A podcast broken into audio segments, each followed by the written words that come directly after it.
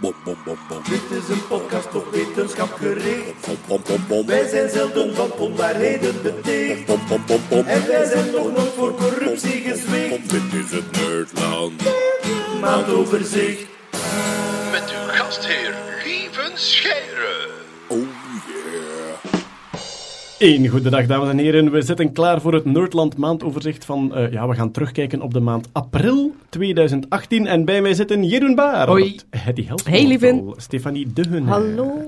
Peter Berks. Hallo. En Nata K. Hallokus. Oftewel Kerkhofs. Oh, nu ben ik niet meer anoniem, lieve. Ja, voilà, kijk. Onkraakbare pseudoniem. Ja, mag, mag dat wel van die GDPR-regeling? Dat is de grote vraag, hè, dat ik uw naam genoemd heb. Eh, ja, dus we gaan terugkijken op eh, het nieuws van eh, eh, april. Er staat weer heel veel op ons eh, tellertje. Dus we gaan het proberen kort houden per onderwerp. En dat is een poging die altijd mislukt. Maar we gaan eerst eens terugkijken, want we hebben nu een e-mailadres en daar wordt gebruik van gemaakt. Mensen sturen ons correcties door. Dank u wel daarvoor. Hè. Ik vind het, het corrigeren van dingen geen enkel probleem. Ik ga, we gaan nooit in een defensieve kramp schieten. Wat is het e-mailadres, lieve, voor het geval ik mezelf zou willen corrigeren? Dat is nerdland. At, eh, nee, wat zeg ik? Dat is Podcast. at nerdland.be. Oké. Podcast.nerdland.be. En daar kwam onder andere, ik had vorige keer het verhaal verteld van ehm, het eh, tienermeisje dat plotseling reclame kreeg voor babykleren en haar pa was kwaad. En wat bleek, het algoritme van de supermarkt had aan haar aankoopgedrag gewoon juist gezien dat zij zwanger was. Dus die vader zei achteraf, sorry, sorry, ze was zwanger. Eh, ik had gezegd dat dat recent was, dat blijkt al van 2012 te dateren. Oeh. Ja, Laurence heeft dat gemaild en dat was een verhaal van de supermarkt Target. En die hadden dus heel vroeg al, hè, 2012, die hadden een soort algoritme. En zij was onder andere ontmaskerd omdat zij ehm, ehm, verzorgingsproducten zonder extra chemicaliën kocht. Dus zo die 0% dingen, hè, zo geen extra geurtjes enzovoort.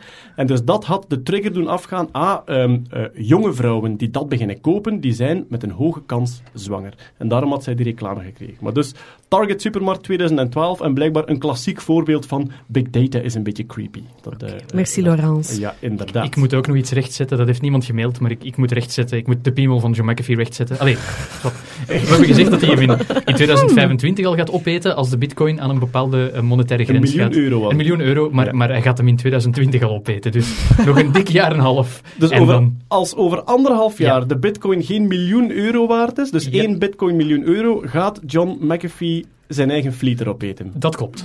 Oké, wij kijken daar eh, Ja. geweldig 1 uit. miljoen Nu- dollar, moeten we eh, duidelijk zeggen. 1 miljoen dollar tegen 2020. En de huidige staat van de bitcoin is mm, 9000 dollar. Dus nog, nog, nog wat miljoen, en nog een, iets minder dan een miljoen te gaan, John McAfee. En dan moet je je piemel niet opeten. Wel, damn. Goed En. Eh, eh, ja, maar die tweet sowieso altijd rare dingen. Had hij Ja. nu, had hij nu niet getweet van, voor dit bedrag wil ik uw nieuwe coin promoten op mijn Twitter-kanaal of zo? Waarschijnlijk is hij zichzelf aan het uithoeren dat het geen naam heeft. Maar Ja, wat wilt je? als je, als je een man bent die over een jaar en een half zijn eigen piemel moet opeten, Ja. dan maakt je er nog het beste van. Zeg maar, is er een manier waarop dat hij, moest het zover zijn, plots die koers kan, kan bepalen of beïnvloeden? Of Goh, heeft hij een, een, een stok achter de deur? ik denk nu... Wat bedoel je met een stok, hè? Ik denk, nu, nu de inzet is van... Als de bitcoin niet zo hoog staat, dan eet die... Ah, Ik bedoel, ik denk dat er genoeg incentive is om die laag te houden. Nu, het, het, het goede nieuws is dat hij sinds deze maand ook een nieuwe piemel kan laten transplanteren. Waar, met een scrotum erbij. Ik had ook gezegd in de vorige podcast dat er elk jaar... eh, het ging over... eh, er was een dode gevallen door zelfrijdende auto's. En toen ging, ging het over niet zelfrijdende auto's. En had ik gezegd dat in het eh, gewone verkeer... dat daar eh 300.000 doden per jaar vielen. Helaas, mijn cijfer was fout. Ai, Het is 1.250.000 doden. oei. In Elk jaar. België? Nee, Wow, wereldwijd. wereldwijd. Ja, el- in België, is dat? in België is Knip, knip. iets, iets meer dan 1 op 10. Dus dat Nee. zo, ja. Sorry. Dus wereldwijd 1.250.000 die wij als mensheid gewoon ja, met volle wil offeren aan dat aspect van onze Aan beschaving. de god van Nee, het maar ik bedoelde en in België. In België, ik denk eh, eh, 700 of zo, 600, 700 denk ik per jaar. Ik denk dat- 400. Ja, 400, Peter? Oké. Eh, Of is, dat, of, is, of is dat alleen in Vlaanderen? Dat weet ik nu niet. Oké, eh, Jeroen gaat het opzoeken. En En als, hij, het opzoeken. en als Eh, hij het niet vindt, dan krijgen we gewoon een e-mail. Hè. Voor de eerste negen maanden van dit jaar, en dat gaat dan over het jaar 2017, dus de eerste negen maanden van vorig jaar waren het er 363 eh, dodelijke. Ja. Dus het zal Ja. richting Ongeveer, vij- ja. 400, Ja, 500. zoiets. Die- Ja, ja, wat toch ook eigenlijk al Te veel is. Belachelijk Ja, veel. gigantisch veel is, ja. Verder hebben wij ons de voorbije, voorbije maand, enfin, ik toch echt wel geamuseerd met het eh, linksdraaiend DNA. Dat is dus een dingetje. Mijn beste van... Dus ja, linksdraaiend DNA, ik zeg het er eventjes bij. DNA is normaal rechtsdraaiend, maar heel veel grafici, mensen die dat afbeelden, die laten dat naar links draaien. Dat is ook geen halszaak, hè. Ik wil dat er duidelijk bij zeggen. Eh, ik ben er naar op zoek, ik vind dat tof om dat te vinden. Ik ben geen grammar nazi. Ik vind dat een perfect vergeefbare eh, ja, fout. Ja, en vooral het bestaat ook, hè, biologisch gezien. Het Voor freaks. bestaat, ja. Freaks. Maar mijn beste vangst was op de filmposter van Gattaca. Oh. Staat er linksdraaiend DNA. Dus Gattaca, de grote science fiction film over DNA van lang geleden al. Hè? 1997. Ja. Voilà, dus een soort eh, dystopische blik op later met klonen en dat Ja. soort dingen. Gattaca. En da- op die filmposter staat dus linksdraaiend. Voor de rest wel een aanrader als je erover kunt zetten, maar Ja. het wordt moeilijk. Maar het is, het is een tof spelletje. Vanaf dat er DNA in het nieuws is, kunnen ze beginnen zoeken. Oh, wie later zijn Maar er DNA Maar waren- zo moeilijk, Er waren man. mensen Of- op Twitter aan het vragen, inderdaad, hoe Ik doe ook. je dat? Ik zie, Zelfs Hetty ik kon zie het niet. dan. Ik, ik Ja. weet wat die functies zijn van dat links en rechts draaiend DNA, maar ik zie het niet. Dus eh, eventjes voor eh, ehm, de luisteraars die nog niet mee zijn. Een spiraal kan twee kanten opdraaien, net zoals een wenteltrap. Ofwel eh, rechtsdraaiend of linksdraaiend. het is dan En nog een dubbele spiraal. Een dubbele spiraal, ja. En normaal, moeten, Ja. normaal mogen ze niet even ver van elkaar liggen allemaal. Hè. Twee strengen moeten iets dichter liggen. Maar ja, goed. Voor de luisteraars die nog maar pas mee zijn. We gaan de grafici in ons midden niet nog verder verontrusten. Ja, Ehm, sorry. Ik heb, ik heb een paar foutjes gemaakt. Maar ik had, het, ik had het echt niet door. En ik was ook maar denkbeeldig, eh, denkbeeldig van een wenteltrap aan het afgaan in spiegelbeeld. En dat is echt geweldig. We gaan nu een boek kelderen omwille van dat DNA. Ja, oké, nee. Ja, dat, dat- dat- Het was confronterend voor Stefanie, want je hebt dus redelijk wat wetenschappelijke tekeningen Ja. gemaakt de voorbije maanden. En plotseling bekomen wij met ons spelletje en moet je beginnen terugkijken en zien... "Ha!" En het was al naar de drukker. het is al na de drukken. Ja, oké. Maar dus, het is dan ZDNA. Hè? Ja, voilà. Dan, voilà. Ja. Dus, De, de, ik gebruik altijd zelf de eh rechterhandregelen, dus die je ook gebruikt bij het invijzen, indraaien van vijzen en een kraan opendraaien maar enzovoort. sorry, soms zie ik dat Nee. echt niet. Maar er is ook een heel simpel regeltje. Als je DNA-streng, als je je DNA-streng bekijkt, van beneden naar boven... Van linksonder naar rechtsboven. Ja, dus van Ja. beneden naar boven, dan moet de voorste streng altijd naar rechts gaan. Ja. Dat is eigenlijk een beetje... Ik ga voor de, het principe van de flubberen ladder. Stel je een flubber- flubberen ladder voor. Je, je houdt die vast van boven. Als je die links omdraait, dus tegen de klok in, dan krijg je een bepaalde vorm. Als je die rechts omdraait, krijg je ook een bepaalde Maar Ah, dat je vind moet ik hem van boven vast Je moet hem van boven Ik wil hem Ja. van onder vast. Ja, Ah. Ja, en het wat als hij dan horizontaal ligt, jongens, dat is Micro er- Machines all over again. Dat is 1997 proberen hè, die, die, die, die kleine autootjes te liggen racen en dat gaat allemaal goed, dat dat die omdraaien en Waarom dan, zou dan, je dan. een flubberen ladder horizontaal leggen? Dan is het naast een slechte ladder ook nog eens een nutteloze ladder. Micro Machines, zeg. Zo, het Ja. spel... Oh, dat was heerlijk. Nee, dat was verschrikkelijk. Dat ik was was, heerlijk. altijd aan het winnen totdat je of aan die tafel draait of op dat picknickdeken, hè, want dat was van bovenaf gezien en dan ging iedereen Ja. mij voorbij en ik ging Dus dan altijd de verkeerde Het autootje, eh, Micro Machines was een spelletje waarin dat je in topview autootjes zag rijden en je moest met je cursor toetsen besturen. Maar natuurlijk, als het autootje van boven aan je scherm naar beneden reed en je duwde naar links, dan ging hij naar rechts op je scherm. Ja, Ja, oké. en dat was Daarom, dus- daarom kon ik mijn vriendjes die heel slecht waren in relatieve assenstelsels altijd gigantisch hard verslaan. Want Maar als er mensen zijn die nog nooit Micro Machines spelen, zoek het op. Misschien staat het wel op zo'n Abandoned Games site. En er zijn ook ehm, redelijk wat Micro Machines clones die je op een telefoon kunt spelen tegenwoordig. Oh, en die zijn, ja, die zijn, ja, die zijn eh, eigenlijk wel, wel redelijk tof. Goed, maar dat waren de rechtzettingen. Dan komen we bij Bedankt voor eh, het luisteren en tot de volgende keer. eh, maar er was weer DNA-structuur nieuws, namelijk een soort nieuwe vorm, de I-not Ja, of zoiets. De, de I-not, de, de- het I-motief. Ehm, DNA eh, zit normaal, hè, zoals we net zeiden, in een dubbele helix, in zo'n dubbele Spiraal, ja. Ja. spiraal, dubbele wenteltrap. Ehm, er zijn dat wist men al langer hoor. Eh, regio's in het DNA die, die vooral buiten de cel tot nu toe een, een andere conformatie konden aannemen. Wat doet DNA buiten de cel? Um, wat hangt ervan af als je het bijvoorbeeld heel zuur maakt of heel droog maakt, dan durft het al eens in Z-DNA veranderen of in ADNA veranderen, heel, heel gecondenseerd. Um, of soms komen de, de twee strengen los van elkaar en gaat een van die strengen eigenlijk in een soort I-knot zitten. Ik je moet het echt opzoeken, want ik kan het I- gewoon I-knot, niet sorry, uitleggen. schrijf je het dan als knot, Knot. op zijn Engels? Oké, ja, sorry. Knoop, hè? I-knot. I-knot. I-knot. Het is geen Apple-product. Het is echt... Ja, maar ja, stel je voor. Het is echt een soort lokaal. Dat is als je, als je, uw, eh, als je heel je Mac aan het updaten bent en je moet al je settings terugzetten en je vindt dan zitten in een iNot. Ach, oh. Ehm, maar dus, het is een soort.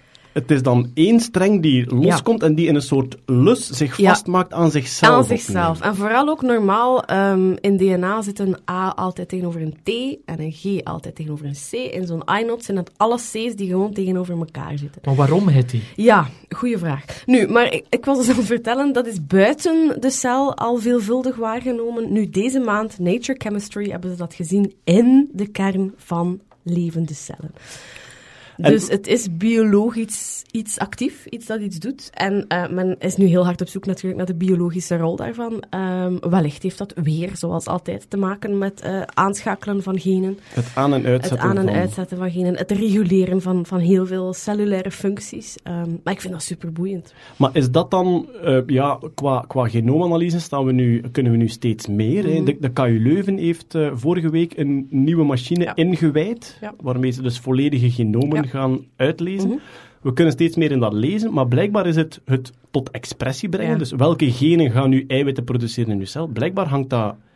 Allee, dat is echt nog een zoektocht. Ja. Welke vormen en knopen en vouwingen dat daar een rol in Ja, maar spelen. je hebt heel veel lagen. Hè. Ik zelf zit in het RNA-onderzoek. Dat is echt hè, de laag onder het DNA. RNA is de, de tussenvorm of de tussenstap tussen uw Ik DNA denk- en hun eiwit. Als je je best doet, ga je wel promoveren naar DNA. het is- of- Nee, dat is, dat is geen promotie, hè, DNA. DNA Dat is te voor- mainstream, Ja, dat is veel te gewoon. Ja, maar dat zeggen, wij- dat zeggen alle RNA-onderzoekers. Nee, dat is niet waar. Ik luister al naar die albums voordat die mainstream werden. Ah, je bent een hipster-geneticus Ja. die op RNA werkt. Oké. Ja, ja. Ehm, maar dat is de laag waar dat, waar dat DNA is eh, per definitie in elke cel hetzelfde. Hè? Maar, niet, maar niet elke cel doet hetzelfde. En dat is omdat andere delen tot expressie komen. En het is daar dat je moet zijn. Het is op het RNA-niveau dat je moet Vind je zijn. dat niet ambetant? Want DNA was zo'n mooie, sorry, zo- zo'n mooie, eh, laten we zeggen, theorie. En, en dat was de blauwdruk voor cellen, dit en dat. Maar ik hoor in de laatste vier, vijf podcasts DNA dat zo allemaal zijn eigen ding gaat doen. En ik vind dat ambetant, Hetty. Ik ja, ik weet het, maar dat is een beetje het verhaal van Human Genome Project ook. Hè. En in het begin jaren 2000 dacht men, nu dat we dit weten, nu dat we weten hoe de, de, de letters van de menselijke genoom eh, in elkaar zitten, nu gaan we alle ziekten oplossen. Ah, nee, toch niet. Vijftien jaar verder blijkt dan dat, eh, dat toch DNA niet, niet heilig is of niet alles is. Maar dat maakt het zo mooi. Ik vind dat Ja. fantastisch. De letters, de letters waren de eerste stap en Ja. nu blijkt dat er heel veel complexe Ja. stappen nakomen. Dat niet alle letters eh, tot expressie komen, dat niet alle letters actief zijn, dat er andere vormen zijn, dat er eh, modificaties op de letters zitten. Eh, Ik vind dat, op, op, een manier vind ik dat heerlijk en ik, ik heb eigenlijk bijna zin om, om geneticus te worden. Omdat dat. Doen, doet mij. Ja, maar dat doet mij geweldig terugdenken aan, als je een boek leest, Bill Bryson, hè, een kleine geschiedenis van bijna alles, Beschrijft hij zo bijvoorbeeld de moment dat ze de tabel van Mendeleev aan het ontdekken waren. En zo die zoektocht en, oeh, ehm, eh, chemische elementen komen voor in trio's. Dachten ze. Het zijn drietalletjes. En wat bleek? Al die drietalletjes die kunnen samenstapelen tot een gigantische vorm. En we zijn nu een beetje hetzelfde aan het doen. Ja. Van, oeh, we hebben nu een knoopje gevonden in DNA. We hebben RNA. Dus hopelijk over 100 jaar kijken we terug naar nu als die geweldig boeiende tijd waarin dat alles aan het, eh, Absoluut. ontdekken tabel van. Mendeleev. Ze hoorden nooit iets terug van die mensen die die lagere elementen moesten maken. Die superkortlevende, heel nucleair actieve elementen. Ja. Die kwamen nooit terug. Ja, niet omdat, omdat die elementen gewoon heel laat ontdekt zijn. Zeg, hoe zit het nog met strontium? No horen we nooit iets van. die bellen maar niet terug. Goed, we gaan eventjes naar de ruimte, want eh, het gonste van de plannen uit verschillende hoeken om ruimtehotels te bouwen, waarin de miljonairs dan konden gaan wonen. En er waren twee verschillende dingen. Er was ehm, één groep die een extra module aan het ISS wil hangen. En er was dan nog een andere groep en die wilde gewoon een los ruimtehotel bouwen. Natta, je hebt het Ja, wat, wat ik heb gelezen is dus The First Luxury Space Hotel. En Ik ben de naam kwijt van de man die het wou doen, maar hij noemde zichzelf een serial entrepreneur. Oh, maar dat is echt... Dat is al titel, dan heb je dan geen naam meer nodig. Zijn naam is Dan- eh, Frank Banger. Frank, Frank- Banger. Frank Banger. Banger Ah. met Banger, zoals bunker, maar dan met een G. Ah, ik dacht Ah. Bummer. Nee, dat nee, Banger, Frank ja. Banger. Oké. Helaas. Maar dus die serial entrepreneur, die heeft een bedrijfje opgericht, eh, Orion Span. En daarmee wil hij eh, Aurora Station maken. Dat, dat, gaat het, dat het hotel zijn, het Space Hotel. En ehm, het moet operationeel zijn in 2022. Dan kunnen de gasten er naartoe gaan. Volgens mij nog altijd een idee in de man zijn hoofd, want volgens mij is het nog geen fund zelfs. Het gaat ter grootte zijn van eh privéjet ongeveer. En het gaat ook wel, want je hebt, je hebt, het is niet de eerste keer dat ze zo toeristen in, in, in de ruimte willen gaan, willen gaan schieten. Ehm, ik denk Virgin Intergalactic heeft het ook al gedaan, maar die doen dan een ko- superkort met, met een raketvliegtuigje Ja, eventjes de ruimte en dan terug. Maar dat is het grote verschil. Dus eh, er is al heel lang sprake van ruimtetoerisme als Mhm. zijnde heel snel eventjes boven de 100 kilometer gaan en dan in vrije val pseudo-gewichtloos Ja, terugkomen. Maar nu gaat het echt over een, Blijvend. ja, een capsule in een low Earth orbit, dus dat is 300 kilometer hoog, 320, 400, voilà, ja. zoals het ISS. Ja. Maar wel in een vaste baan van, dat is dan 28.000 kilometer per uur rond de aarde, zodanig dat je in een stabiele baan bent en echt gewichteloos in die Ja, capsule absoluut. Ja. Die, die mensen die daar naartoe willen gaan, moeten ook een training van drie maanden doen, voor ze daar naartoe mogen gaan. En ehm, ja, misschien, misschien de belangrijkste vraag voor we al valiesjes gaan pakken en naartoe willen gaan. Voor twaalf dagen betaalde je een schamele 9,5 miljoen dollar. 9,5 miljoen? Ik wil die man zijn plan nu ook niet afbreken, maar ik ben hier naar die renders aan het kijken op zijn website en deze capsule heeft in volgorde een tv-ruimte, een sluis en iets dat ik enkel kan beschrijven als een grote poepdoos. Dit is toch letterlijk wc, sluis, tv-ruimte. Ja, Dus Ja, dat het is niet super groot. Het is niet super groot, hè? Dus iedereen kan het opzoeken als Aurora, Aurora Station. Station. Ja. Aurora Station, en dan zie je wat het is. Ik moet eerlijk zeggen, ik vind 9,5 miljoen eigenlijk laag voor wat het is. Maar dat hebben ze ook... Iemand werkt bij de VTM. Ze hebben dat zelf eigenlijk ook gezegd dat dat redelijk laag is. Dus lager dan, dan wanneer... Allee, het is ook een tijd terug dat, dat ze met eh, de Russische Soyuz volgens mij naar het ISS gingen. En ik denk dat je daar 20 tot 40 miljoen voor betaalde. Maar wat kost een lancering niet? Een lancering kost al zoveel. Een, een onbemande lancering Daar is al zijn ze volgens duur. mij ook nog niet uit. Hoe ze, hoe ze de mensen effectief naar daar krijgen is nog vaag, optioneel. Oké, ja. Al die, al die ruimtetoerismebedrijfjes die dus gewoon met een vliegtuigje omhoog en naar beneden wilden gaan, ja, die zijn nu één voor één failliet aan het gaan, behalve de grote. Ja. Ehm, maar goed, de, de, de deze, we zullen zien of het, eh, of het lukt. Frank Banger, onthoud die naam. Ja, dat doen we. Of niet. Goed, dus wie later eh, naar de ruimte wil, moet beginnen sparen of vriendjes worden met een, met een heel rijke persoon. Want eh, eigenlijk, als je zo de lijst bekijkt, als je de lijst bekijkt van de rijkste Belgen, daar staan er verrassend veel tussen die 9,5 miljoen wel kunnen betalen. Ja, maar wie wil er in godsnaam naar een ruimtehotel met Mark Koeken? We zullen zien. Je kunt dan samen zingen van koekenbakken en al. eh, dat soort dingen.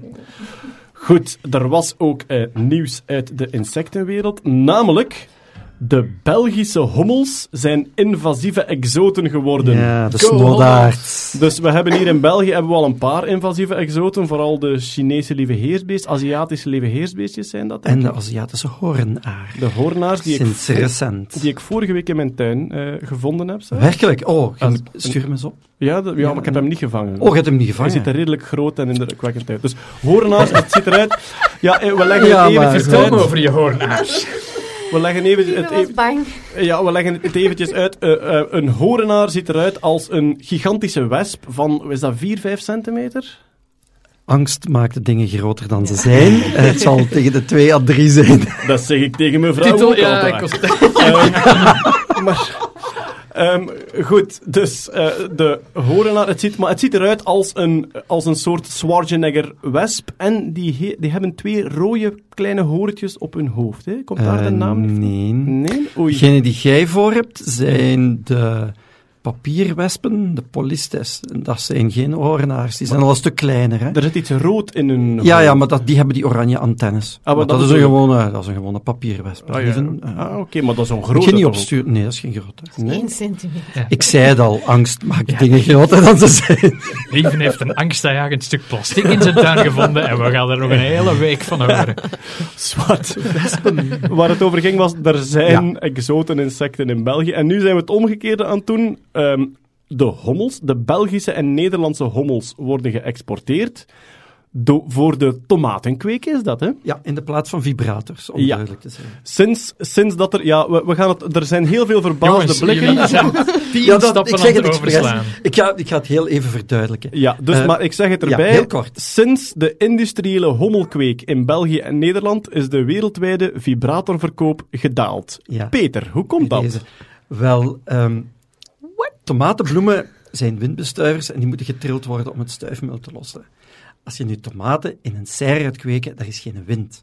Dus, Dus die bloem moet trillen Die elke bloem dag. moet trillen elke dag. Dus wat hadden ze daarop gevonden? Ze geven elk personeelslid van het bedrijf tussen, ik denk tussen 10 en 1, eh, een vibrator met een stukje ijzerdraad op. Nee. En die moeten dus gewoon de hele tijd Alle bloemen alle bloemetjes aanraken met die vibrator. nu, dat is een jaarkost voor de gemiddelde tomatenteler van twee personeelsleden fulltime. Nochtans, als je dat in bulk aankoopt, dan moet... Wel- Ja, maar je moet Sorry. niet nemen, die vibrators is de grote kost niet. Het is Ah, het personeel. Oké, ja. De vibrator kost twee keer niks. Dat kun je zelf bouwen. Ja. Maar goed, Waar is alle Lego Nu- naartoe? Wel, goed, nee. Waarom is de vrouw in- van de tomatenkweker zo malcontent? Sorry, Peter, we zijn nu aan nee, het dat is niet erg. Nu heeft er in de jaren tachtig ehm, een eh, eh, veearts uit Westerlo het illustere idee opgevat. Ehm, en dat was, die, die, die hield al hommels als hobby. Er zijn van die mensen. En die is erin geslaagd om hommels het hele jaar door te kweken. Dat is niet zo evident, want dat is een jaarlijkse cyclus. Die beesten, koninginnen komen uit in het voorjaar, stichten een kolonie en die kolonie sterft in het najaar terug uit. Het is dus niet evident om die beesten op te laten starten in het midden van de winter. Of in het midden van de zomer, want dat is volledig uit seizoen. en is dat dan door seizoenen te faken in Nee, temperatuur? ja, ja, eigenlijk wel een beetje met licht en temperatuur spelen en zo. Ehm, eigenlijk komt het erop neer dat je de koninginnen moet in de frio steken voor x aantal tijd. Dat is eigenlijk het basisprincipe. Maar goed, Fabiola, we're coming for. Maar, ehm, dus, en die kerel eh, heeft dan ehm, heel bij toeval ontdekt dat, dat, hij, dat hij zijn kon gebruiken. Want wat is het verschil? Waarom, de meeste mensen die, die vragen mij, waarom moet je daar hommels voor, waarom kun je niet honing bij gebruiken? Want die, ja. Nu, een, een, een hommel kan, ehm, net zoals een honingbij, de vleugels in ralentie laten draaien. Dat wil zeggen, de spieren doen bewegen, maar de vleugels stilhouden. Dus als, als, een, als een hommel op een bloem zit, Ja. zijn vleugels zijn stil, maar zijn Maar spieren de blijven bl- trillen. Blijven trillen, ja. Waardoor de bloem hommels- trilt. Ja, bijen en hommels doen dat vooral om zichzelf warm te krijgen. Vooral hommels zijn daar heel goed in, want die vliegen heel vroeg in het voorjaar al. Daarom zijn die ook zo pluizig, dan kunnen die hun temperatuur heel goed eh, op peil houden. En wat doen die dus? Die pakken zo'n bloem vast, die trillen eraan en dat stuifmeel komt los. Een honingbij kan dat niet. Dus nu zijn die vibrators allemaal verkocht en nu hebben ze allemaal hommels.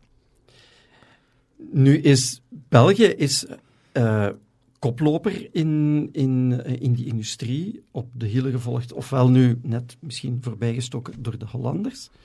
En dat is dus industriële kweek. Industriële kweek, Ja. ik heb zelf voor dat bedrijf gewerkt. Van Dat zijn- tomaten of van hommels? Pardon? Van tomaten of van hommels? Eh, hommels, hè? Ah, ja. ja, ja. En andere insecten ook. hè. En andere insecten, ja, ja, ja, Sluipwespen ja, en van klopt, alles. Ja. klopt. Maar eh, om u een idee te geven, er worden per week, of er werden per week, toen ik daar werkte, was dat eh, van 96 tot 2001, ehm, rond de 8 à 10.000 hommelkoninginnen per week gestart, waaruit er dan 5 à 6.000 volledige nesten verkoopsklaar En komen. die komen dan in een kartonnen doosje waar die volledige ja. hommelnest in zit. Ja. En die worden verscheept over de hele wereld. Ja. Ik was deze zomer in IJsland in een tomatenkwekerij. Daar stonden Nederlandse hommels. Ja. En ik geloof 80 euro per nest. Is Dat zou goed kunnen. Ja, ja, ik kan nu de prijs niet van buiten, maar ja, Ja. inderdaad.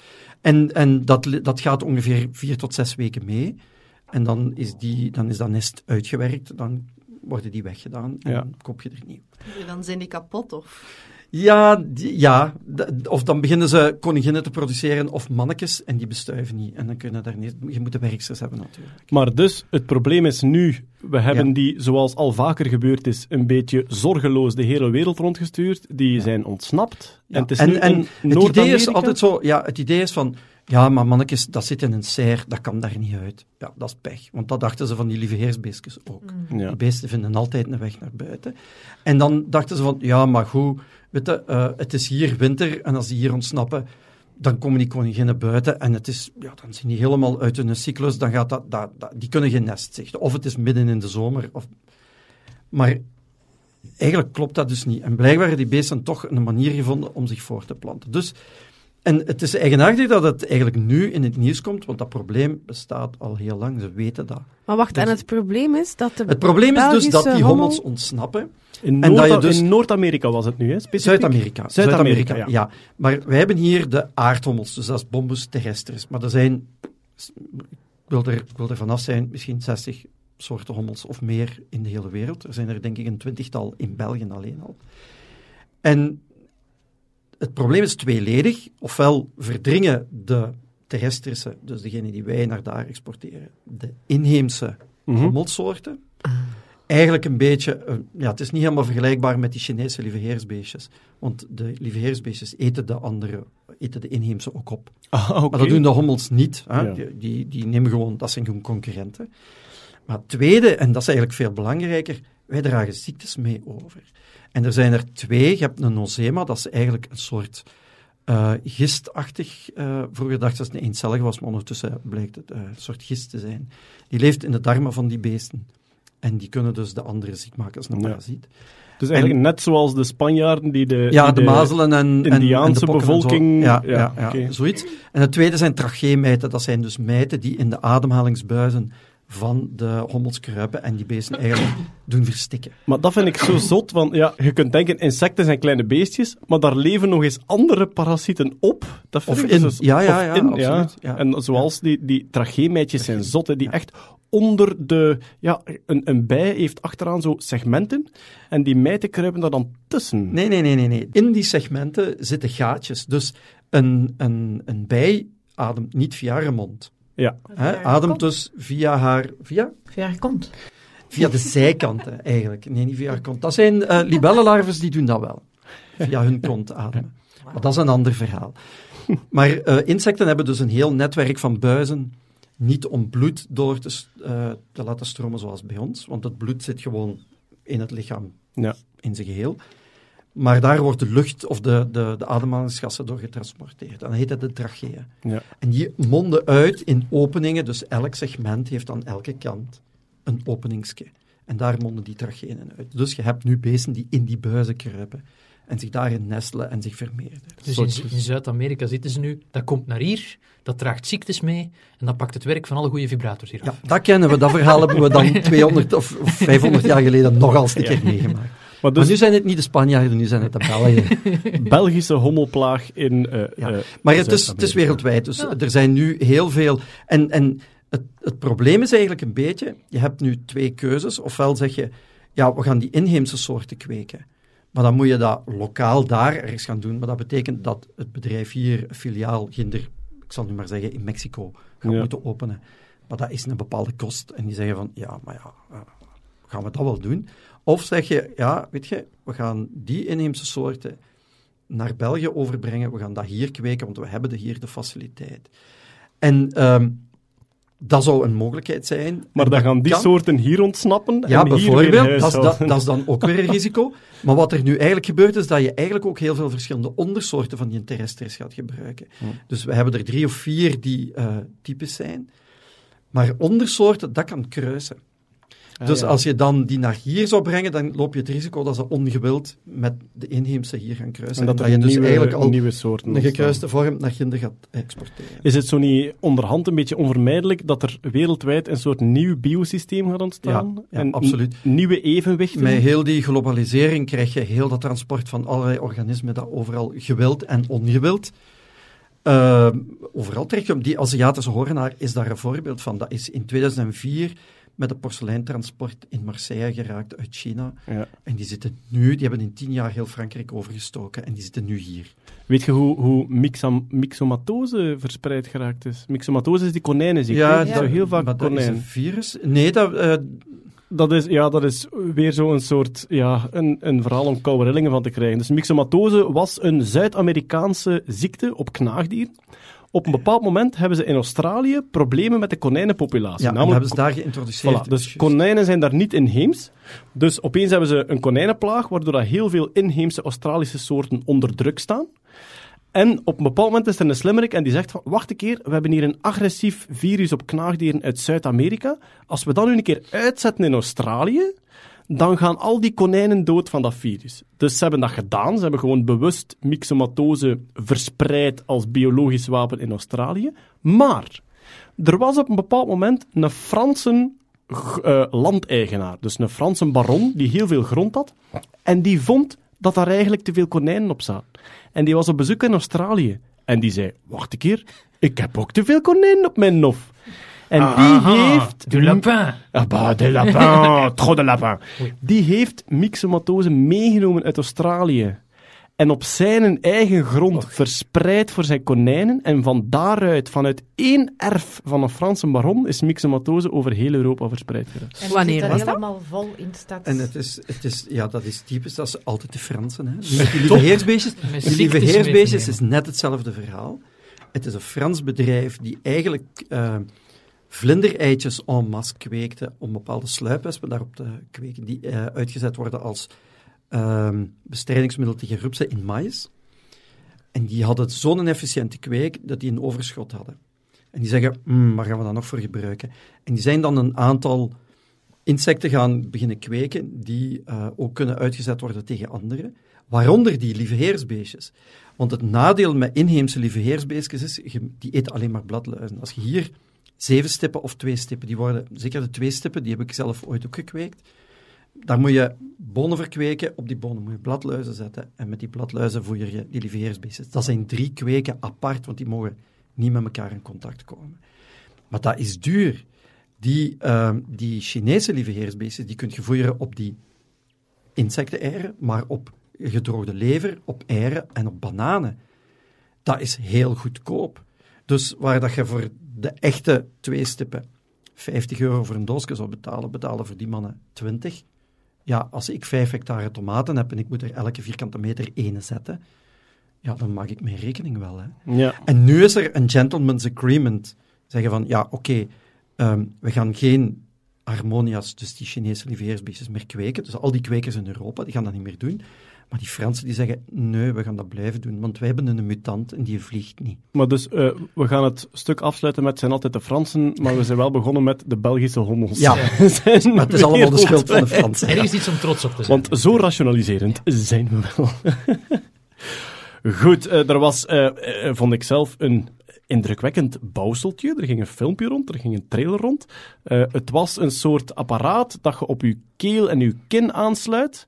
En wat het belooft is het volgende. Als je, ehm, ja, als je in stilte tegen jezelf praat, dus je spreekt niet uit, zoek eens op wanneer de trein vertrekt, maar je zegt dat in stilte en je maakt een beetje spierbewegingen zonder dat je het echt uitspreekt, kon dat apparaat detecteren wat dat je zei en dat doorsturen naar uw smartphone. Eh, Stefanie, het heet Alter Ego, denk Het ik? heet Alter Ego en het komt uiteraard van MIT. Het Massachusetts Institute of Technology. Ja, de bakermat van alle technologische vooruitgang. En het is... Ja, ik, ik, ik kan alleen maar onder de indruk zijn. En ik, ik ben aan het zoeken naar adders onder het gras. Maar dus wacht, ik ga even uitleggen hoe dat het werkt. Het is inderdaad een soort, ja, een soort prothese-achtig ding dat je, dat je rond je, je kaak en je eh, slaap zet. Het is eigenlijk, eh, je moet je inbeelden voor de Star Trek-fans, als er Vulcans zouden overgaan tot het bouwen van een, een Vulcan Mind Melt apparaat, het zou er ongeveer zo uitzien. Een hè. heel lomp Bluetooth-oortje. Nee, nee, het is heel gestileerd. Het lijkt op een bird of prey en het zit exact op de plaatsen waar dat je... Maar goed, maar zo- zoek vooral de foto op, MIT Alter Ego. Als je zoekt naar adders onder het gras, ik heb er wel eentje hoor. Ja, ik bedoel, wacht even, wacht als, als je dacht dat de een mondbeugel er al een beetje stigmatiserend uitzag, dit is het wel mal, mal 100. Er hangt echt gewoon 3 kilo plastiek aan uw bek. Ja, oké. Dus voor mensen die dat geen problemen hebben met uiterlijke protheses, eh, is het niet zo... Ik vind het nog wel cool. Maar wat dat vooral heel cool is, is inderdaad hoe het werkt. Want er zijn veel mensen die zeggen het is een mind-read machine. Dat is het niet. Uh, dus wat het inderdaad doet, is, is het is een interface tussen jou en een computer. Maar dus in plaats van... Uh, ja, in plaats van een brain-machine interface die dat je, je neuronen, je hersenactiviteit gaat meten, meet het eigenlijk de spieren die actief zijn wanneer dat je iets in stilte tegen jezelf zegt. Dus het is niet voldoende om het te Maar- denken. Maar dan komt het mij een beetje over als een mompeldetector. En ik vind dat nogal Ja. gevaarlijk. want- Maar zelfs zonder lawaai. Zonder je lawaai. mompelen zonder lawaai. Het is echt je mond dicht, niemand hoort iets. Het, het, het detecteert dan wat jij zegt, het detecteert jouw commando. Dan gaat dat uitvoeren. En het, de output is ook een gesproken eh, boodschap die niet in jouw oor wordt eh, ehm, verspreid, maar rechtstreeks tegen je bot. Dus dat is eigenlijk een beetje vergelijkbaar. Ik weet niet of er al mensen een hoortest hebben gedaan. Dus eh, je komt dan zo in het ziekenhuis en ze, ze- of bij een oordak, eh, oordokter. Ja, de mensen boven de bepaalde leeftijd die moeten dat al eens doen. Dank en, u. in het begin zetten ze je koptelefoon over je oren, zoals verwacht. Maar daarna gaan ze die een beetje verschuiven. En dan ze dat op je bot. En dan ga je ook nog dingen horen. Eh, het voordeel daarvan is dat je eigenlijk veel minder geluid nodig hebt om je iets te laten horen. Hele lage trillingen die via bone conducting voor u goed hoorbaar zijn. Ja. Bone conducting it is. Ehm, Waarvoor kunnen we dit gebruiken? Ah, wel, het, is, het gaat vooral over, ja, ze hebben het vooral over augmentation en enhancement. Eh, er zijn niet direct medische toepassingen waar, allee, waar, waar dat ik kan denken of die ik heb gezien. Ehm, wat zij willen bieden is een, is een, is een, een alternatief voor een, een, echt een BMI, een Brain Machine Interface. Eh, ze zijn niet invasief, hè, dus er moet niet gedrild worden in uw kop, er moeten geen sensoren in worden geplaatst, er moet zelfs geen brain dust worden gesprinkeld in uw hersenen. Het ten tweede, het is, niet, het is non-intrusief. Dus het, het, het gaat echt over hetgeen wat jij zegt tegen die computer. Er is geen direct contact met jouw hersenactiviteit. En dat zeggen zij zelf, dat is, een, dat is een, een, groot voordeel, want we willen eigenlijk geen technologie die daar gewoon ons gedachten kan lezen.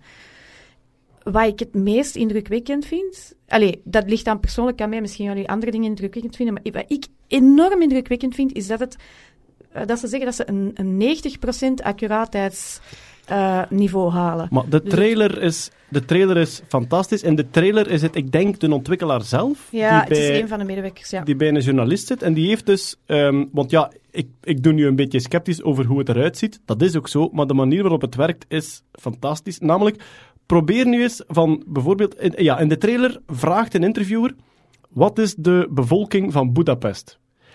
En die jongen die daar zit, die zegt tegen zichzelf bevolking Budapest, maar zonder stemgeluid. Dus als je nu je mond dicht doet en je maakt met je tong en je lippen wel de spierbeweging bevolking Budapest, dat ding detecteert dat, stuurt dat naar het internet, het antwoord komt terug en wordt dus via bone conducting naar zijn trommelvlies gestuurd. Maar heeft iedereen dat geprobeerd om dat te doen? Maar ja, Dat- met een kom mond aan, beweegt. allee. Nee. Wel, maar als je dat kunt met 90% accuraatheid, dat is toch weergaloos.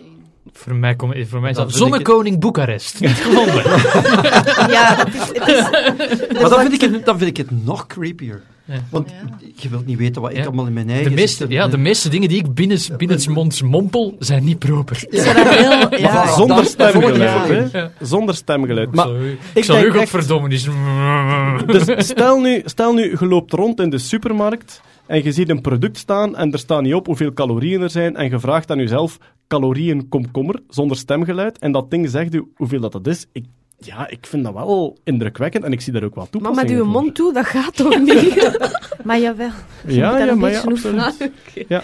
Ik ben absoluut ik ben het ermee eens. Het ziet er nog niet uit, maar ik neem aan dat dat... Het is een prototype. En dus misschien evolueren we naar doorzichtige pleisters met kleine sensoren op verschillende plaatsen van ons spieren in ons aangezicht. Oeh, als ik, als ik onzichtbaar hoor of doorzichtig hoor, dat vind ik dan weer creepy. Ik vind wel als je zo'n dingen gebruikt, dat je het wel moet eh, aanduiden. Want ik zie ook Ja. heel veel misbruik. Ja, maar de consumentenmarkt vindt dat niet. Hè. Ik bedoel, je wil liever met iets onzichtbaar in de supermarkt lopen dan met een gigantische wit plastieke brace. Gigantisch moet het niet zijn, maar het- ik, ik zie ook heel veel, allez, ik zie ook heel veel kansen voor misdadigers en criminelen en op, en, en oplichters en zo. Dat is met alle technologie zo. ja, ja, ja, tuurlijk. Dat is ja. met een smartphone absoluut ook het geval. Dat is met Google Maps zelfs absoluut het Ja. geval. Maar enfin, ik denk dat er heel weinig mensen zijn, buiten dan die die vroeger met een Google Glass wilden rondlopen om te tonen, Mhm. ik heb er een, die met zo'n ehm, zichtbare plastieke brace willen rondlopen. Zeker nu niet. Ik bedoel, als je daar nu mee buiten komt, word je echt bekeken als die heeft de pest of zo. Hè. Ja, ah, wel, maar ik denk... al ja, maar dat Niet is als je er weer- genoeg bij kwijlt.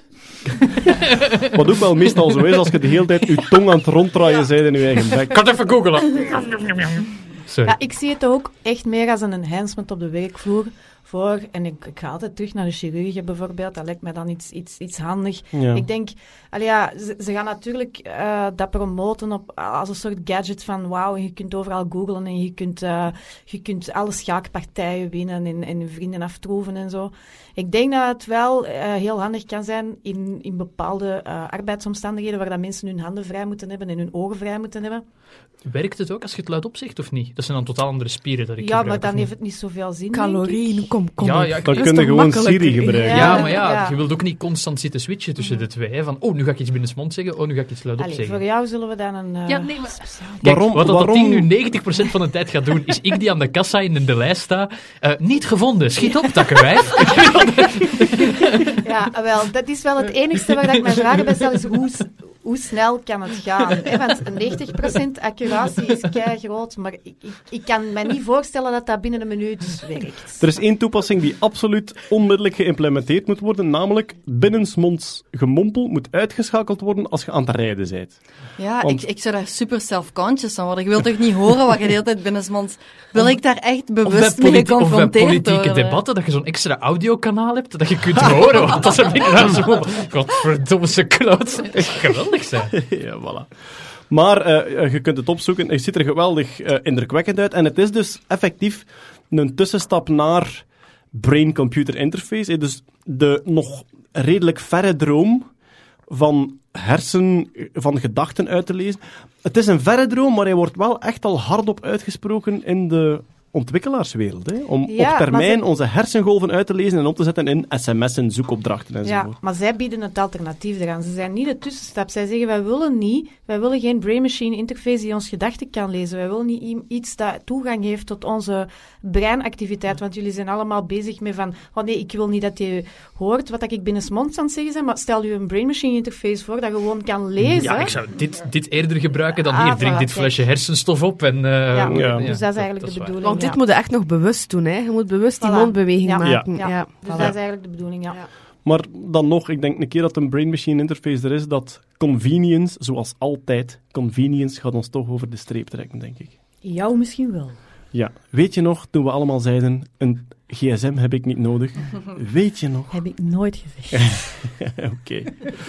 Jawel hoor, we hebben dat binnensmonds gedetecteerd, dat jij dat gezegd hebt. Goed, in other news, ehm, er is een plan om de neushoorn te redden. Hè, dus we, we, hadden, eh, ja, we hebben al gehoord dat er is één neushoornsoort uitgestorven, een ondersoort van, was het de zwarte? Ik De witte. De Ja. witte, De witte. noordelijke. de noordelijke witte, maar de zuidelijke witte die eh, bestaat nog. Er is één neushoornsoort nu waarschijnlijk nou, nog niet uitgestorven, maar het laatste mannetje is dood, dus het wordt een beetje moeilijk. Maar er is een plan om de neushoornkuddes te bewaken, namelijk neushoornrobots. Ja. Waarom Awesome. ook niet? We, we hadden al salto-robots, we hadden al hondjes bij Boston Dynamics die gepest werden. En nu hebben we de neushoornrobot. We hadden al Jeff, Jeff Bezos die ging wandelen met zijn robothond. Nee, maar gelijk je zegt inderdaad, de laatste mannelijke witte noordelijke neushoorn is onlangs gestorven. Maar hadden ze zijn sperma niet bijgehouden? Maar sowieso hebben ze, ze, Ja, ze, hebben- ze hebben het genoom van alle overblijvende Maar ik denk dat ze ook neushoorns zelfs sperma geanalyseerd. bijgehouden? Ja, Ja, maar- focus je zo op dat sperma? Dat is Ja, toch... nee. Nee, omdat we het er vorige keer over gehad hebben, op- kunnen we die uit huidcellen of zo Ah, ja. terugkrijgen. En toen heb ik die maand nog gelezen dat ik denk dat ze de huidcellen, eh, de, toch, de spermacellen zaadcellen. bijgehouden. Maar waarom wilden, zouden we nog een echte neushoorn willen als we een robotneushoorn Ja, voilà, kunnen voilà. hebben? Sorry. Precies.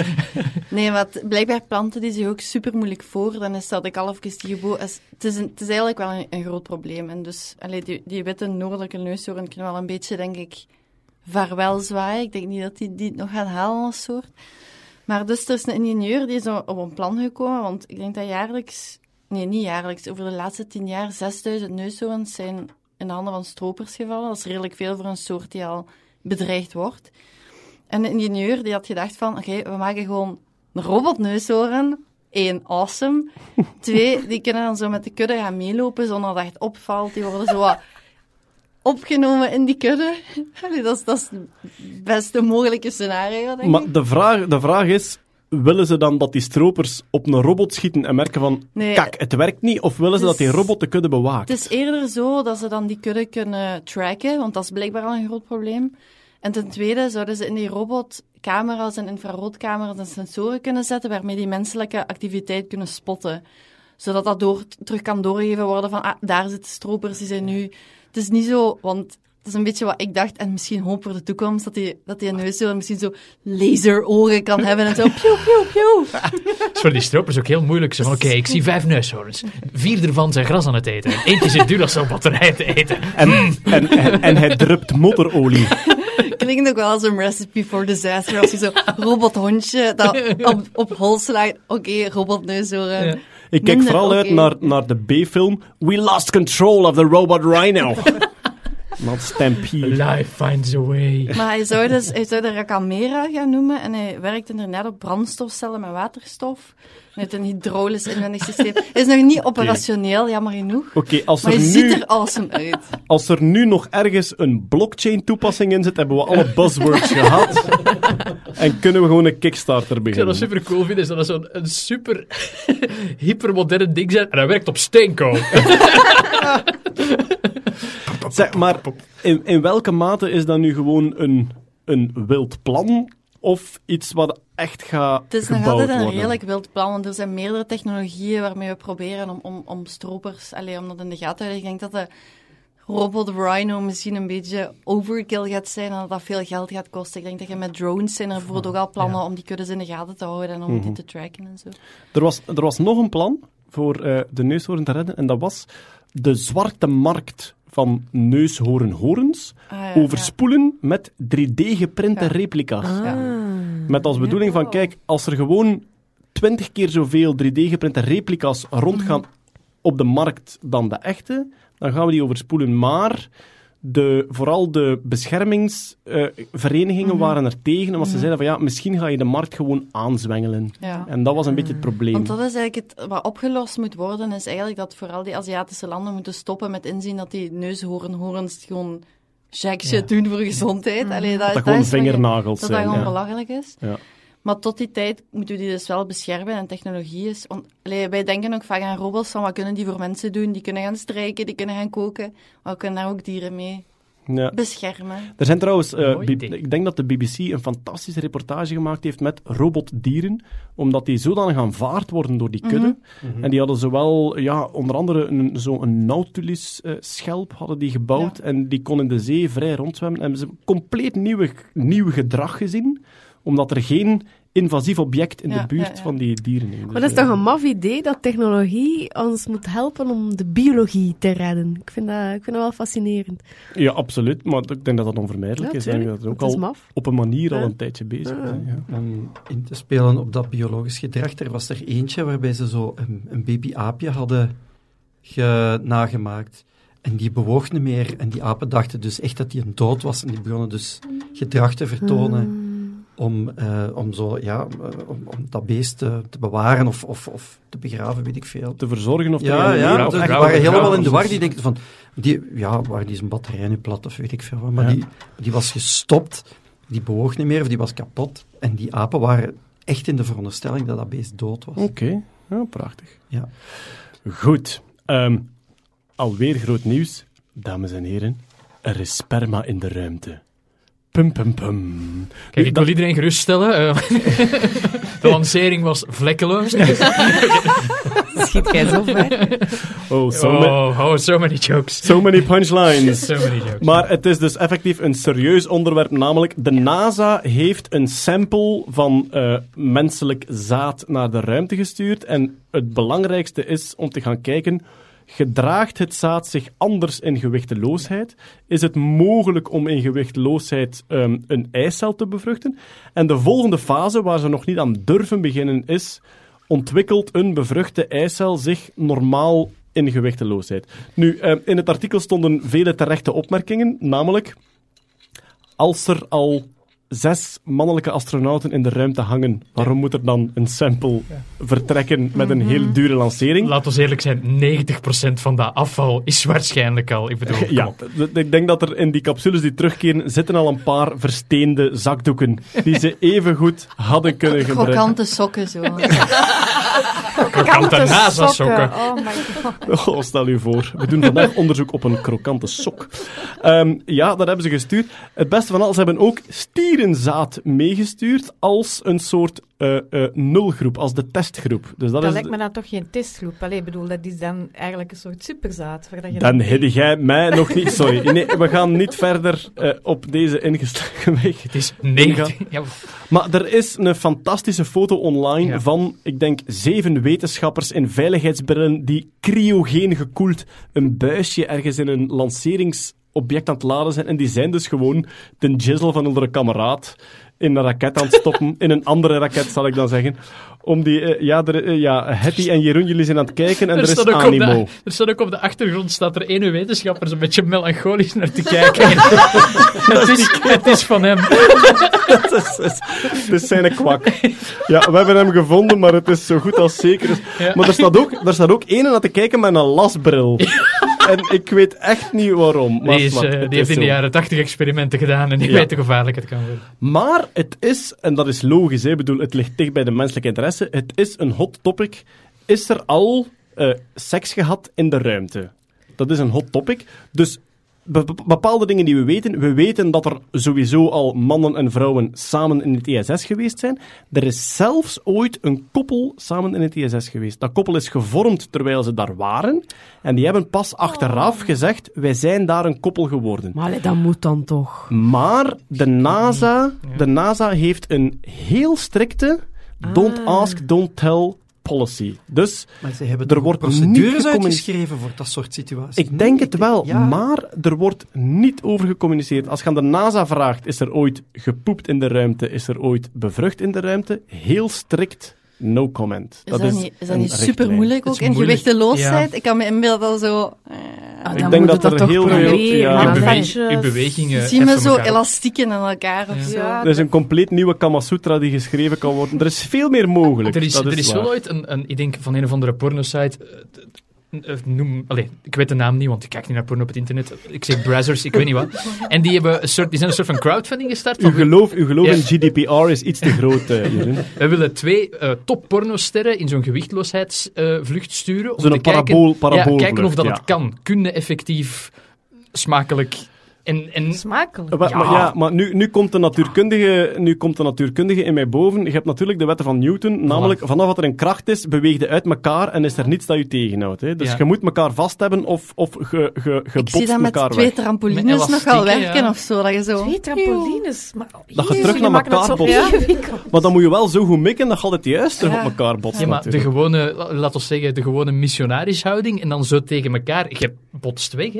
Ja, maar you- it's like a dance, baby. No, no, no, no, not in space, it isn't. Zwat, maar dus er wordt momenteel eh, wordt er menselijk zaad onderzocht in de ruimte om te zien hoe het zich eh, gedraagt. Ik kan er misschien één anekdote aan eh, toevoegen. Ik heb eh, het geluk gehad van al redelijk wat astronauten tegen te komen in mijn leven. Waar gaat dit naartoe? En eh, ja, ehm, en ehm, van eentje daarvan heb ik uit tweede hand het verhaal. Oh, dat tweede die- hand. Ja, Oh, ja. kom op, Maar ja lieve een, scherm. een, een beetje letterlijk heb ik uit tweede hand het verhaal dat hij gewoon zegt van... Jongens, ik ga voor onbepaalde tijd naar de ruimte. Ik ben een man. Ik wil een mechanische oplossing. No, de flash flashlight, ja. Oh, Flashlight. Ja, nee, geen, geen flashlight. Die heeft gewoon gezegd van... Kijk, het gaat toch gebeuren.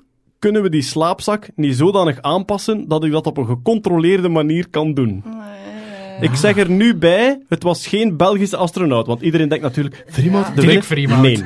Dirk, Ik heb, vetzakje Freemout. Ik, ik heb. Ik, zit, ik heb nu dat, dat beeld van Howard Wolowitz van de Big Bang Theory voor ogen. it happened again. hand. De robothand, ja. Ja. Maar dus, ehm, om kort te gaan, ik ken een astronaut die meerdere ingenieurs aan het werk gezet heeft om een rukgat te maken Oh my in de God. ISS Een, een krokante slaapzak. slaapzak. Ja, dus. voilà. Ja. Dus de, de krokante sokken die naar beneden gestuurd zijn, eh, het kan Hoe bijna was het in de ruimte? En dan zitten ze zo thuis en een slaapzak oprollen. Crunch, crunch, Ja, maar ja.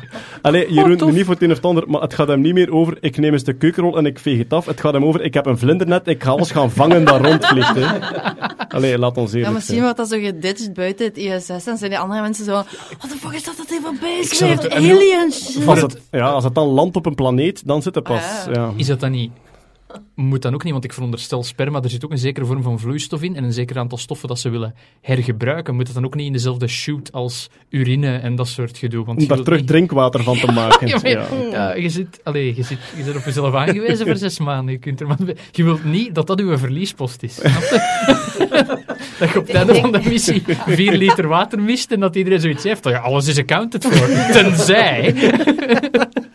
Dus een machine waar je zakdoeken insteekt aan de ene kant en waar dat dan een glaasje spuitwater uitkomt. Spuitwater, no pun intended. Oh, Het kan dan ook wel zijn van die ene die altijd in een hoekje zitten blijten. Zo. Kijk. Brenda, godverdomme. Ofwel dat machine, ofwel wringen we onze sokken uit. Je mocht kiezen, jongens. Je mocht kiezen. Ik vrees dat we gaan moeten afronden voordat we een uur kwijt zijn aan too many punchlines. Goed, en we gaan over naar een ander onderwerp en we gaan over naar misschien wel het meest dramatische en ernstige onderwerp, namelijk, alhoewel het is ook gewoon spectaculair, er is in Amerika een seriemoordenaar gearresteerd die moorden gepleegd had in de jaren 80. Hij is gearresteerd op basis van zijn DNA-profiel, maar het spectaculaire is, en het werd al een tijd voorspeld, maar het is voor de eerste keer uitgekomen, hij heeft zelf geen DNA afgestaan. Er zijn zodanig veel mensen tegenwoordig die hun DNA afstaan aan websites die hun vooral stamboomonderzoek doen, dat zij gewoon gezien hebben. Ja, ik moet er even bij zeggen, er zijn veel, er zijn veel diensten die uw DNA-code gelukkig geheim houden. Hè, zoals 23andMe en G- de- ja, eh, nog, ja, nog een paar andere. Geheim totdat ze daar met een verzoekschrift staan Ja. van de rechtbank. Maar, dat is niet Ja, dat gebeurd. is niet gebeurd. Nee, dat nee, is nee, niet gebeurd, maar want er het- zijn, ja. er zijn websites, en ik, wil, ik kijk ook naar u, Hetty, want Mhm. ik vraag mij af hoe lichtzinnig het is. Er zijn websites waarop dat je uw DNA gewoon publiek zet. Ja. Als zijnde, Ja. Wie En is dit- er familie Dit van was mij? er één van, hè? Ja, Ja, GED dus- Match. Ja. En dat is eigenlijk een genealogie-site. Ja. Het is eigenlijk gewoon, je laat je data op, je DNA-profiel op, en je kunt familieleden vinden. Ja. Dus de politie in Amerika had eh, DNA van een serie moordenaar en verkrachter uit de jaren, ik denk, 80 en 90. De Golden State Killer. Tussen Ja. 74 en 1986. Ze is van- een van de meest notoire serial killers en, en, Ja. en verkrachters ooit in de Verenigde Staten. Dat was een, was een heel, heel bekende cold case en nooit geen doorbraak in geweest. En we komen nu dus op een punt waar dat de politie dat DNA heeft. Die gaat naar een publieke website waarop dat allerlei mensen afstammelingen zoeken. En die kunnen gewoon zien, wacht een keer, die persoon is derde graads familie. Die persoon is vierde graads familie. Die persoon is tweede graads familie. En gewoon door een beetje cirkeltjes te trekken, kwamen ze uit op één persoon. Volgende fase, politiecordon rond die mens zijn huis, maar compleet geheim. Dus een geheime privé... Ja, Een stakeout. een, een detectieve actie Ja. Op zoek naar DNA. abandoned DNA. Ja. Dus ze zijn door zijn, door zijn vuilnis gegaan, gaan kijken naar randen van bekertjes enzovoort. Mhm. Ze hebben het getest, complete match. De man is opgepakt en dus het ziet er nu naar uit, want het kan nog mislopen, maar ik zie niet goed precies waar dat de angels nog zitten. Het ziet er nu naar uit dat de Golden State Killer 30 Is- jaar na datum bijna Ja. gevat is, Ja. omdat familieleden en zelfs verre familieleden van hem op een genealogie-site staan. Stefanie. Eentje zelfs maar. Eentje maar, ja? Eentje Echt? maar. Ze hebben het met eentje kunnen... Het is eigenlijk een soort triangulatie, hè. Dus, dus eh, je neemt de data van één persoon. eh, je weet dat daar inderdaad een, een familieband is. Je gaat heel je stamboom onderzoeken. Je matcht met je profiel, de leeftijd, de, de woonplaats. Woonplaats eh, vooral, ja. enzovoort. En dan inderdaad, dan doe je een stakeout en de politie mag uw DNA verzamelen. Hè. Eh, dat mag wel. Normaal gezien moet je voor bijvoorbeeld een 23andMe, hè, die hebben natuurlijk ook geweldig veel data, eh, D- ehm, DNA-databases, maar daar moet je een, een verzoekzicht voor hebben. En dit, het verschil hier is dat dit een, is een openbare Ja. website En zo, zo gaan er allicht nog meer komen. En dus eigenlijk, het is ongelooflijk cool, vind ik. Ik, eh, ik, ik, ik was echt wauw, want ik ben dan... ah ja, er, er zijn heel veel cold cases die, die, waar dat ik, die ik heel interessant vind. En dat deze nu eindelijk gevat is, is super cool. Langs de andere kant, bitch creepy. Want... De manier waarop dan. Ja, je moet je DNA niet meer laten uitlezen om, om gevonden te kunnen worden. Familieleden is genoeg, Voilà. dat is er is het, ja? één ver-familielid, twee ver-familieleden, dat is genoeg. En plus dit soort sites, in, in, in, in tegenstelling tot inderdaad eh 23andMe, die dan gaan zoeken naar, ja, heb je aanleg tot bepaalde ziektes of zo. Dit is gewoon openbaar. Mhm. Dus de justitie heeft, eh, dus de, de, de politie heeft geen, geen toestemming nodig van justitie. En eigenlijk, ja, als dit nog een beetje uitgroeit, dan kan je iedereen's DNA in kaart brengen zonder dat hij daar toestemming voor geeft. Eh, iets dergelijks, wat ik, wat ik eigenlijk ook enorm cool vond, is in de UK hebben ze iemand geklist op basis van een foto van zijn hand. Zijn Ja. hand. Dat was een Ja. drugdealer, ze hadden een, een kerel gevat, die had drugs bij. Ze hadden die zijn gsm uitgeplozen. En daar stond een foto van een hand met een aantal ecstasy-pilletjes op.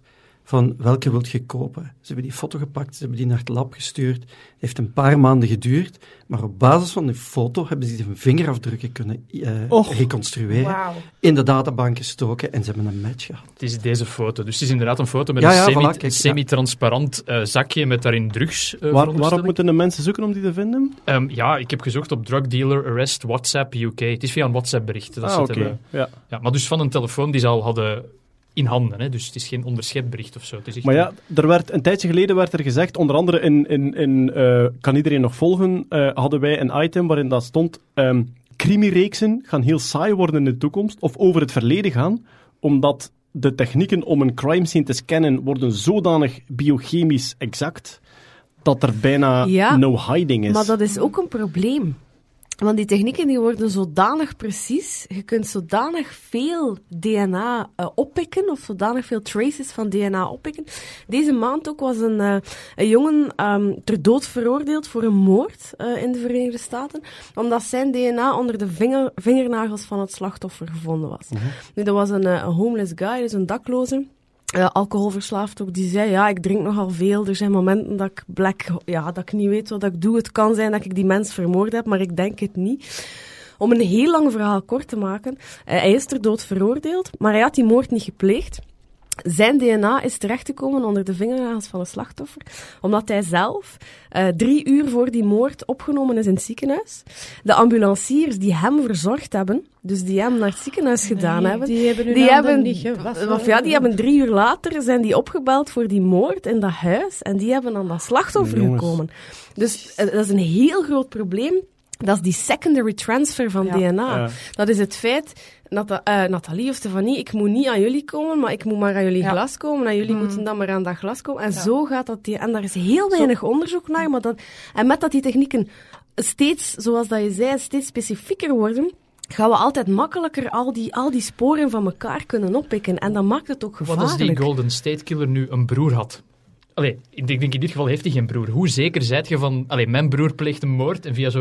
Maar Ja, ik denk dat ze in dit geval DNA van de crime scenes Ja, ja, ja. hadden. Hè? Ze hadden DNA Uw, van de tweeling, uw tweelingbroer is iets anders. En zelfs uw Ja. tweelingsbroer zou de epigenetisch Ja. misschien kunnen zien. Ja. Maar goed. Ja. Ja, maar we hadden het net over de politie mag Ja. uw DNA gaan zoeken. Ja. De vraag is, met de voortschrijdende techniek, bedoel, hoe gemakkelijk wordt het voor particulieren om gewoon iedereen zijn DNA uit te lezen? Ja. Ik geloof in, in de tijd dat, eh, dat Obama campagne aan het voeren was voor zijn eerste presidentstermijn, dat hij een team had die alles wat hij aangeraakt had of eh, van gedronken had, verwijderde, uit angst dat daar anderen DNA-analyses gingen op uitvoeren. Is dat waar? Is dat echt? Dat, het werd eh, verteld en ik zoek het op en als het niet waar is, krijgen we ofwel een e-mail of ik knip het sowieso uit de Ja, Dus. Maar ik heb, ik heb bijvoorbeeld ook al gehoord dat ze van op afstand, als, als je van een hand, van een vingerafdrukken, zo echt een foto kunt maken, goed Ja. genoeg, dat je daarmee je fingerscans, die zijn waardeloos. Ja, dat Yep. klopt. Ja, absoluut. Dat zijn nogal van die dingen dat ik denk van, ja, what the fuck.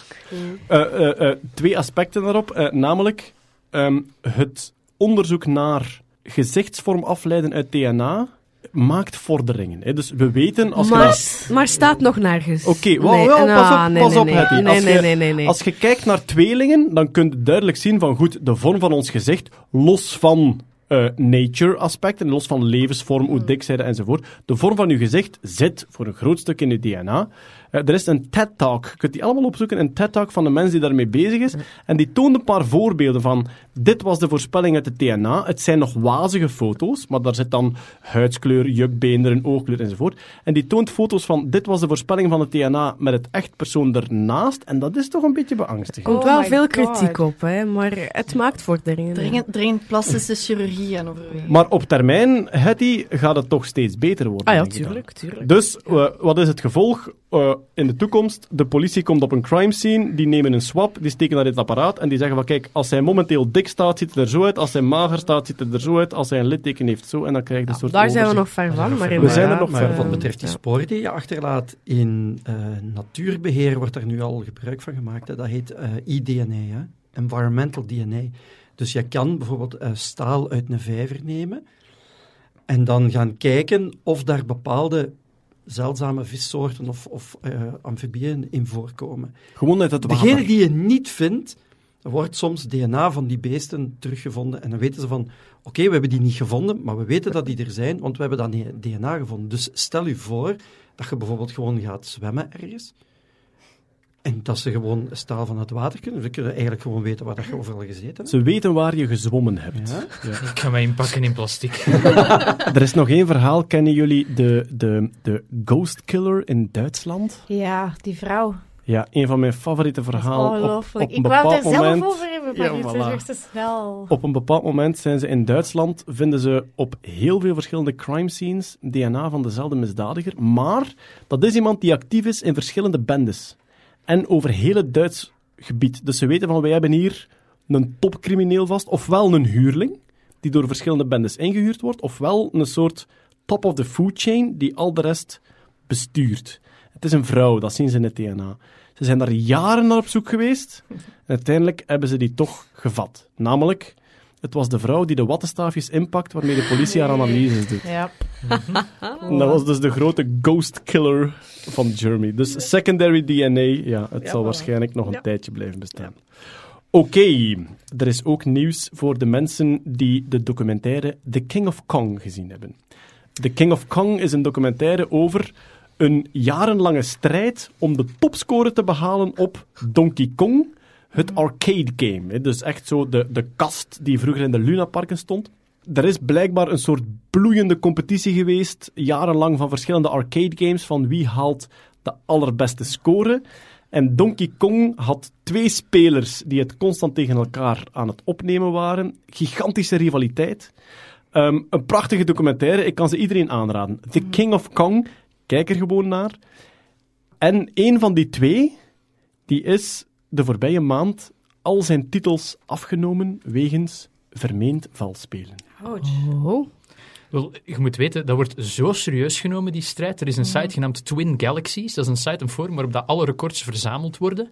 Maar je moet dus een record moet je bewijzen. Dat is met een videotape, dat is één soort record. Of een live record. En, Op, en- ja, er zijn evenementen, live Evenementen evenementen, en als waar- je daar een record Ja. breekt, is het altijd officieel. Maar zoals in die film, er zijn ook veel mensen die dat thuis oefenen en thuis in hun garage s'avonds een record willen zetten. En daar moet je ook een live ehm, videotape van hebben. Dus zowel een externe camera van u die aan dat toestel zit en een opname van het beeld zelf. Nu, die twee mensen die zo'n rivaliteit hadden, Steve Weep, de good guy, zal ik maar zeggen. Een hele brave 40-jarige huisman uit, uit Midden-Amerika. Echt Top, top nerd en Ja. the nerd you like to love. een was een, was een middle school eh, physics teacher Ja. ook zo. En, een papatje. Zo, Een doetje, een doetje, een doetje. Echt, en echt, eh, ja, een, een, echt Een zoeteke. Een zoeteke, een zoeteke, maar die moeten er ook zijn. En langs de andere kant had je Billy Mitchell. Billy Mitchell, stel u een pot gel voor, met daaronder een kerel, En een stropdas met de. Amerikaanse vlag op. stropdas Amerikaanse vlag, paardenstaart, heeft ook een soort van KFC-achtige chicken eh, burger eh Hij verkoopt geërfd. barbecue saus. Hij verkoopt barbecue saus.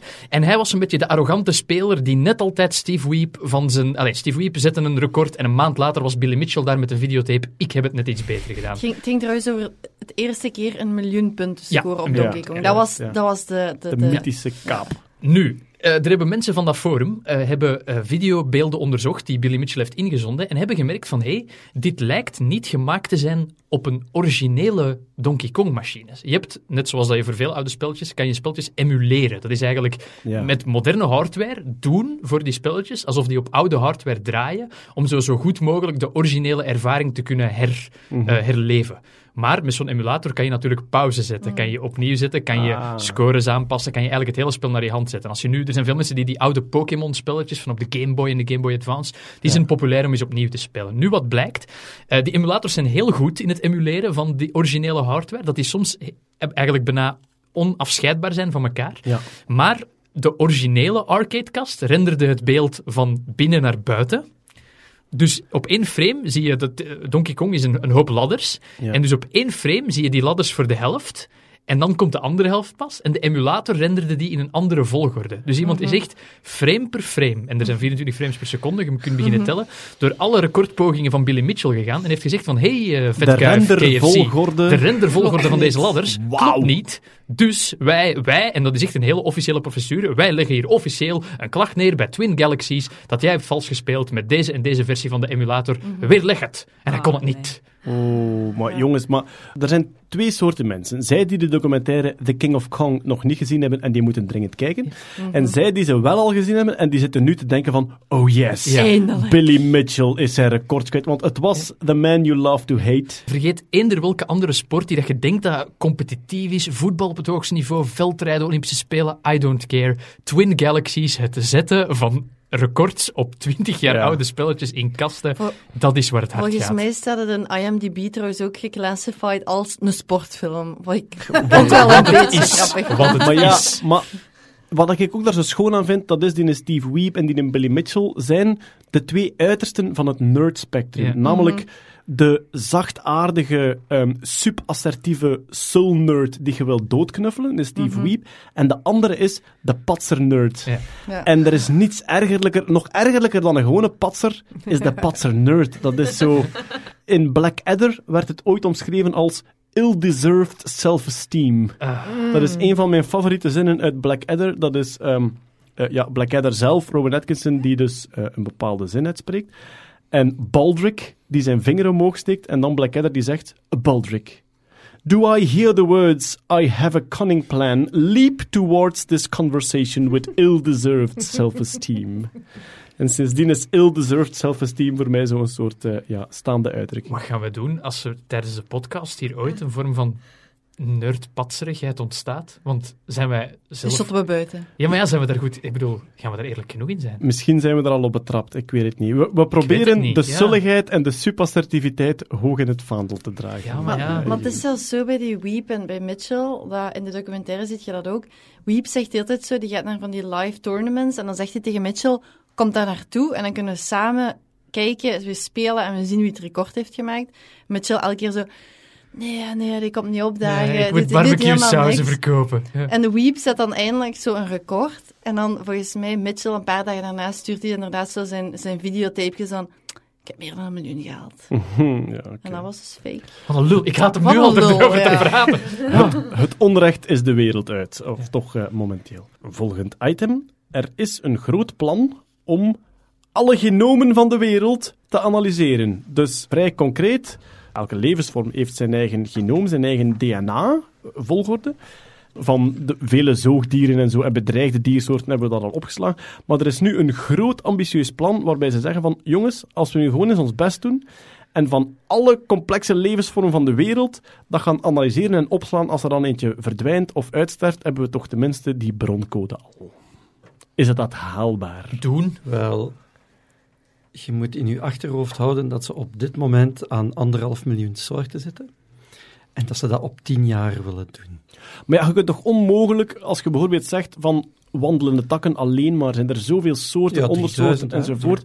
ja. Ja, maar dan is het dan niet genoeg dat we zeggen, we nemen gewoon één wandelende tak en dan zoeken we nog iets anders? Wel, ze willen echt van, van elke soort, Ja. want dat gebeurt nu niet. Hè. Meestal gaan ze van één van het genus of één van de familie, maar ze willen nu echt van elke soort, willen ze echt het genoom uitlezen.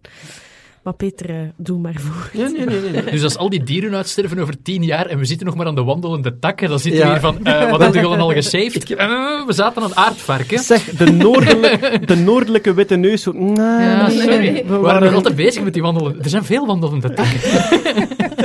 Het is waanzinnig ambitieus. Het is- hè. ja, ik vind het ook. En ja. de, de- hetgene waar ik mij dan vragen bij stel, is er zijn al zoveel projecten die de totale biodiversiteit van de wereld in kaart willen brengen. En die lopen elkaar eigenlijk allemaal voor de voeten. Je hebt, je hebt degene die met eh, de genetische barcoding bezig zijn. Er zijn er drie of vier instellingen die genetische barcode doen. Dus dat wil zeggen, een heel klein stukje van het DNA dat eigenlijk voor bijna alle organismen wel eh, vergelijkbaar is, maar wan- waarbij je elke soort wel een kleine variatie erin hebt. Dan zou je bij wijze van spreken bijna Star Trek gewijs een sampletje in je tricorder kunnen steken en dan kunnen zeggen van, ah ja, kijk, ik knip daar een beest een, zo, eh, een stukje van zijn pootje of vleugeltje af, steek dat erin en, en iets later komt daaruit van, ah ja, het is soort X of Y. Daar zijn er al drie of vier van die naast elkaar werken. Je hebt er dan die ook gewoon alleen maar een database van al die beesten en planten willen aanleggen. Ook daar zijn er al verschillende van. Dus ik, ik, heb, ik, heb een beetje, ik ben een beetje bang dat dit ook weer zoiets gaat zijn, waarbij er dan binnen twee jaar iemand anders op datzelfde idee gaat komen en dan zegt van, ja, maar goed, ik heb meer geld of ik heb meer middelen of bla. En dat je... Oké, ik vind het heel cool om dat te doen, maar anderhalf miljoen soorten, tien jaar, Wat, ik weet de, het niet. En ja, Wat is de kostprijs? Want een, een menselijk 4,7 genoom... miljard. Ja. Dus het is, het is, eh, in der tijd hebben ze inderdaad nog 3,2 miljard betaald voor dat human genome, voor één menselijk genoom. Dus Ja. dit is een, in dezelfde grote orde. 4,7 miljard beramen ze. Ehm, Ik kijk naar de mede-academici hier aan tafel en naar de andere mensen ook. Moeten we niet gewoon een beetje cynisch durven zijn en zeggen van, nou, iedereen heeft subsidies nodig en hoe groter je Mm. project, hoe meer subsidies je ophaalt. Maar Ik de bedoel- vraag, ik denk een, een, een heel relevante vraag is... waarom? Ja, Ja. ja. ja, Maar wa- waarom, waarom is voor mij snel beantwoord. Ik bedoel, het is een soort opslag van alle levensvormen, Ja. maar hoe snel gaat het goedkoper worden en kunnen die gewoon 10 of 20 jaar wachten en het voor een fractie van de kosten? Maar, maar is het opslaan van weefsels misschien niet goed? Voldoende. Ah, Ja, voldoende. of natuurlijk. Gewoon dat je gewoon stukken bijhoudt, eh, Hmm. invriest en dan en in de zien, toekomst in de gaat het wel toekomst heel misschien eventueel uitlezen. Waarom moet je dat nu allemaal, nu allemaal op, eh, op genoomschaal Mhm. gaan? Het heet het Earth Biogenome. Project, voor, van- eh, voor alle duidelijkheid. Van wie gaat het uit? Ehm, University Ja. of California en het Smithsonian. ja, Smithsonian. Maar er zitten een heel aantal andere instellingen bij, van Ja. Brazilië, Van Brazilië, Denemarken en ja, zo. Ja. klopt. Ja. En, en wat het, ik had eh, gisteren daar nog een interview met, met, ik denk, de voorzitter gezien. En die zegt, ja, kijk, we, een- we hebben nu een aantal mensen die, die heel goed zijn in het, in het, eh, in het sequencen.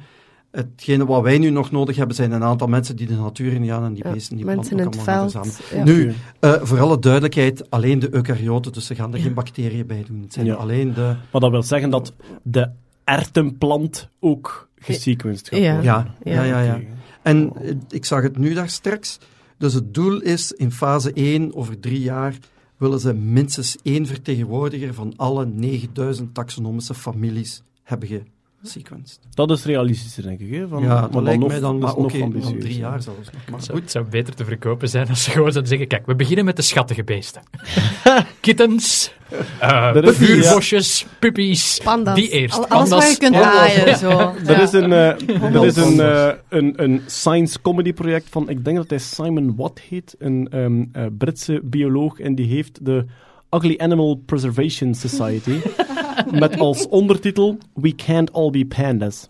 dat is, dus- ja, En dus die gaat naar verschillende landen en die houdt daar een optreden en die verkiest dan het favoriete lelijke inheemse dier van dat land. Omdat hij zegt, ja, we can't all be pandas. En ook, ja, pandas, allee, zijn vooral het, het is, ja, het is ook een, een, een evolutionair doodlopende straat. Ja, hè. Ik bedoel, het zijn Die losers, willen gewoon niet Eh, poepen. hè. het zijn schattige losers. Een van de lelijkste beesten ooit is die blobvis.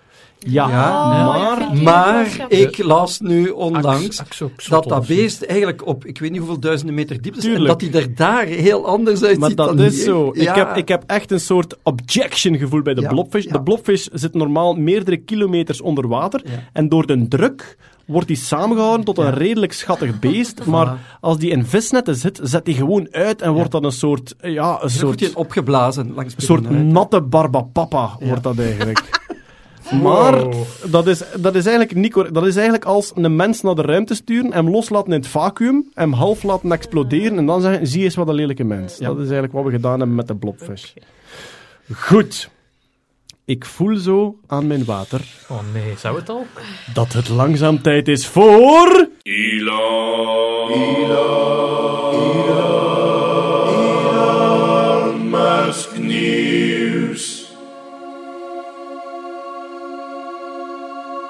Musk nieuws. Eh, minder dan andere Ja, maanden. Ehm, goed, we hadden vorige keer al gezegd. ehm, eh, de, de vertraging in de Tesla-fabriek, dus de fabriek waarin de nieuwe Tesla Model 3 is dat zeker eh, gebouwd wordt. De vertraging wordt gewijd, of geweten, hoe zeg je dat eigenlijk? Ge, gewijderderd. We- Stuur maar een mail, eh, podcast.nerdland.be. De oorzaak van de vertraging zou zijn ehm, eh, te hoog ingezet op robotica. Ja.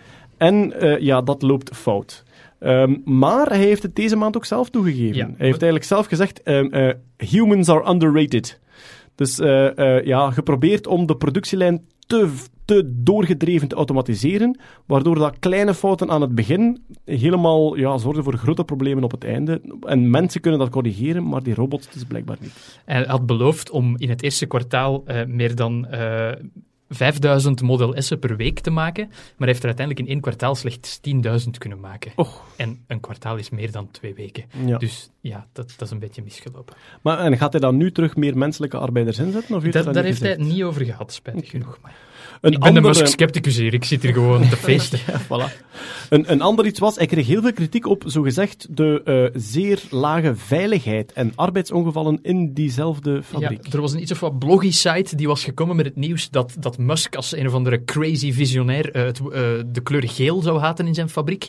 en dat er daardoor meer ongevallen zouden gebeuren. En, dat hoe, nogal- hoe, hoe leidt een haat voor het kleur geel tot meer dat ongevallen? je geen, geen rails met, met fluogele banden hebt of zo, die, oh pas op, deze machine... Ah ja, ge- geel- geel-zwart is de waarschuwingskleur Ja, voor- industrieel en hij zou dat gebannen hebben. Voilà, daar bleek uiteindelijk niks van waar. Hij heeft een, nogal een zeer bitsige post op de Tesla-website gezet. Nee, onze fabrieken zijn vol met geel. Kijk hier, foto's van gele dingen. Dus daar heeft iemand voor betaald. Maar Dus dat, kijk, dat, dat is een ding nu. Foto's ding van gele dingen foto's van uit gele de dingen in de Tesla-fabriek. Ja. Waaronder een waarschuwingsbord waarop staat opgepast. Ik, denk, ik weet niet wat dat was, natte vloer of zoiets. Pas op voor gele dingen. Pas op voor gele dingen. Ja. Ehm, en eh, ja, daar heeft hij dus op gereageerd. Waar dat het artikel wel een punt had, was dat eh, eh, Elon Musk en de manier waarop zijn werknemers zich proberen in een soort van, eh laten we zeggen, vakbond te organiseren, dat hij daar regelmatig een vinger in de pap te brokken heeft en dat dat eigenlijk niet zo mooi is. Ah, dus hij is, hij is ja. Ja. tegen vakbonden en is organisatie. niet van- tegen vakbonden, zou te ongenuanceerd zijn om te zeggen, maar hij wil wel zijn economisch voordeel erin blijven houden. En hij is er nogal strikt in, zal ik maar Hij is ook een fan van Margaret Thatcher. Hè? Hij is ook een fan van Margaret Thatcher. Wat? Ja, Ja. Dat, ja, dat was. Oh, no. Ja, je dacht dat Kanye Ja. West erg was. Ja, dat Oh. was- voor, voor mij was dat ook echt een beetje een auw Oh, momentje. zijn, we, zijn we ook niet zeker dat misschien zo Howard Hughes zo'n beetje terug misschien gereïncarneerd is in Elon Musk? Want zo'n beetje... Ook wel een verkinderd figuur, zo hè, Musk? Ontstaat er een nieuw front in de Musk-skepsis? Join me. Join the dark side. Goed, eh, Ja. hij is ook een beetje raar aan het tweeten. Op zich is dat geen nieuws. De Nee, mens maar- tweet altijd raar, maar deze maand heeft hij heel raar getweet. Ja, hij gaat een Cyberdragon bouwen. Wat is een Cyberdragon? Ik veronderstel dat er een soort van, ehm, ja, een- eigenlijk een draak met lasers als ogen is. Dat maar ik het me gaat, voor. het gaat hem niet over de Dragon-capsule, hè, want dat Nee, is ook zijn, nee. zijn bemande Nee. capsule op de raketten. Het is, het, het is het soort ding dat Kanye West zou tweeten. Jeroen, maak het niet erger dan het al is. Heeft er iemand Kanye West en Elon Musk ooit in dezelfde kamer gezien? Ik zeg het maar, ik laat het maar op. Oh, Ja, no. oké. Ja, goed. eh, eh, is er nog Musk-nieuws? of Dus is het was eigenlijk weinig. Hij, zegt, ja, hij, zegt- hij heeft, denk ik, ik denk dat het zo'n beetje de maand geweest is waarin hij zo'n beetje mea culpa heeft moeten slaan over de productie van Ja. eh, die, die Model 3's. Er is een crowdfunding voor een zetel voor Elon Musk. Een zetel. Een zetel, een sofa. Want die mens kan dat zelf niet betalen. Ja, nee, blijkbaar. Hij, hij zou, eh, omwille van heel die situaties in zijn fabriek, regelmatig daar moeten overnachten. Ah, dat is Hij heeft daar geen bed, hij slaapt op zijn bureau en hij heeft ergens laten weten dat de zetel bij hem niet zo erg comfortabel is, dat hij sommige keren op de grond gaat liggen, omdat dat zo beter is. En nu zijn er een aantal van die fans, die hebben nu een crowdfunding opgezet om hem de zetel te kopen. Sleeping on the factory floor, dat was inderdaad een beetje een meme. En over die arme Musk, die kan dat niet zelf Letterlijk geld aan het geven aan een miljonair. Ja, ik, voilà. ik weet wat ik daarvan denk. Ik ga zwijgen. Goed, het was een eh, arme Muskman, maar wel voer voor de eh, sceptici. Dus Ah, dat, dat, dat mag ook wel eens, eh, absoluut. We gaan over uiteraard naar de andere gorillas van Silicon Valley. Ehm, Jeff Bezos. En ik zeg zeer Waarom zeg je Bezos? Ik zeg zeer bewust Bezos, want een van de corrigerende e-mails, en ik herhaal het nogmaals, we zijn fan van corrigerende e-mails als ze niet agressief opgesteld zijn. Een van de corrigerende e-mails was de uitspraak van Bezos. Wij zeggen altijd Bessos, zoals de Spaanse zoentjes. Jij zegt altijd best. Eh, mea culpa, dat klopt. Maar de correcte uitspraak zou zijn eh, Bezos, en dat werd geïllustreerd in een filmpje waarin hij zijn eigen naam uitspreekt. En het is dus Bezos. Dus vanaf nu, eh, we hebben dat te danken aan eh, Jos Dujardin, die heeft dat ingestuurd. Dankjewel, Jos. Jeff Bezos. Ehm, ja, er was een wild gerucht met heel veel geheimhouding, waardoor er ook weinig over bekend is, dat Amazon op een groot robotproject zou zitten. En eh, het is eigenlijk vooral ontstaan omdat Amazon hele grote sollicitatielijsten de wereld ingestuurd heeft als zijnde, we zijn op zoek naar die en die profielen. En er zat gigantisch veel robotica tussen, waardoor iedereen begon te denken van, tja, wat zijn ze van plan? Ja, het zou een bedrijf gaan, 123 Labs, of ik ben het even aan het opzoeken, wat dat het precies was. Eh 123 Labs, denk ik, een, een subbedrijf van Amazon, zoals ze zoveel bedrijven kopen, uiteraard. Ehm, en eh, die zouden iets maken, een robot die je kan helpen in het huishouden. En het meest concrete dat we hebben, is het de mobiliteit van een Roomba, zo'n soort van eh stofzuigrond Ja. dingetje. Dat is een, een rijdende ge- cirkel. hè? Gecombineerd met het brein van Amazon Echo. Dus Ah. dat is ongeveer het meest concrete dat we hebben. Dus een Roomba, een Echo erop duct tapen en we zijn er ongeveer, denk ik. Ik vind Amazon Echo vind ik wel even een goed punt, want wat ik merk is de voice assistance. Hè, dus het feit dat je zo een, een, een microfoon slash luidspreker op je tafel staan hebt en je komt binnen in je huis en je kunt daar rechtstreeks dingen aan vragen met spraakherkenning enzovoort. Ik merk dat dat in Amerika al een tijdje eigenlijk wijd verspreid is onder het geekpubliek. Dat dat in Engeland nu ook komt. En in Nederland zijn ze nu ook begonnen. En meestal is dat een indicatie dat België een jaar later volgt. Want helaas, in dat soort bokrijk leven we hier.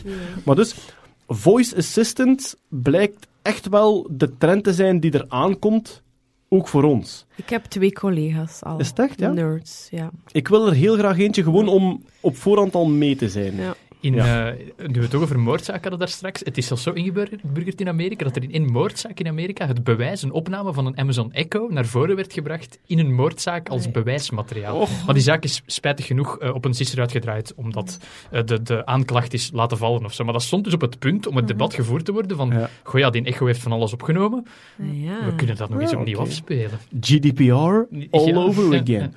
Maar dus, ehm, Amazon zou dan al een stap verder denken en zeggen van oké, misschien gaan we een deel robotica combineren met die voice assistants, dat je als je vraagt, zet de oven eens aan, dat die dat ook kan, bijvoorbeeld. Het noemt Lab 126 trouwens, niet 123 Lab, maar ik bedoel, het is vaag genoeg om... Ik bedoel, Close genoeg. Ja. Een ding waar... voilà. Maar goed, de geheimhouding is wel zo groot dat we er effectief niet meer over weten. Hè? Nee, en ze hebben ook genoeg geld om erin te... Ik bedoel, het is altijd een beetje verdacht als zo'n groot bedrijf in een of ander vaag labo-project geld aan het pompen is. Maar het doet, het, doet Mm. mij, het doet mij een beetje denken aan het moment dat Alphabet, eh, zo de, de, de Google-koepel, het moment dat ehm, Alphabet Boston Dynamics gekocht had. Heel veel ja, speculatie als zijnde, wat zijn ze van plan? Gaan ze altijd twee richtingen. Ofwel werken ze aan de huishoudrobot, dus de robotassistent voor bij u thuis, echt consumerproduct. Ofwel werken ze aan de ehm, leverrobot, dus dat deliverance, het afleveren van uw pakketjes, niet meer door een mens gebeurt of door een robot. Wat is er gebeurd bij Alphabet? Die hebben het terug verkocht. En nu is het in handen van Softbank, eh, Japanners die sowieso heel veel met robotica doen. Maar nu hebben we een beetje hetzelfde. Amazon wordt plotseling enthousiast over die robotmarkt. Alleen maar speculatie. Wat gaan ze doen?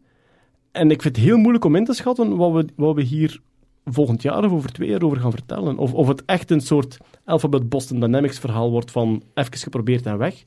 Of dat die echt werken aan een, het meest, het meest opwindende, zou, zou ik vinden, een echt consumer product. De consumer huishoudrobot.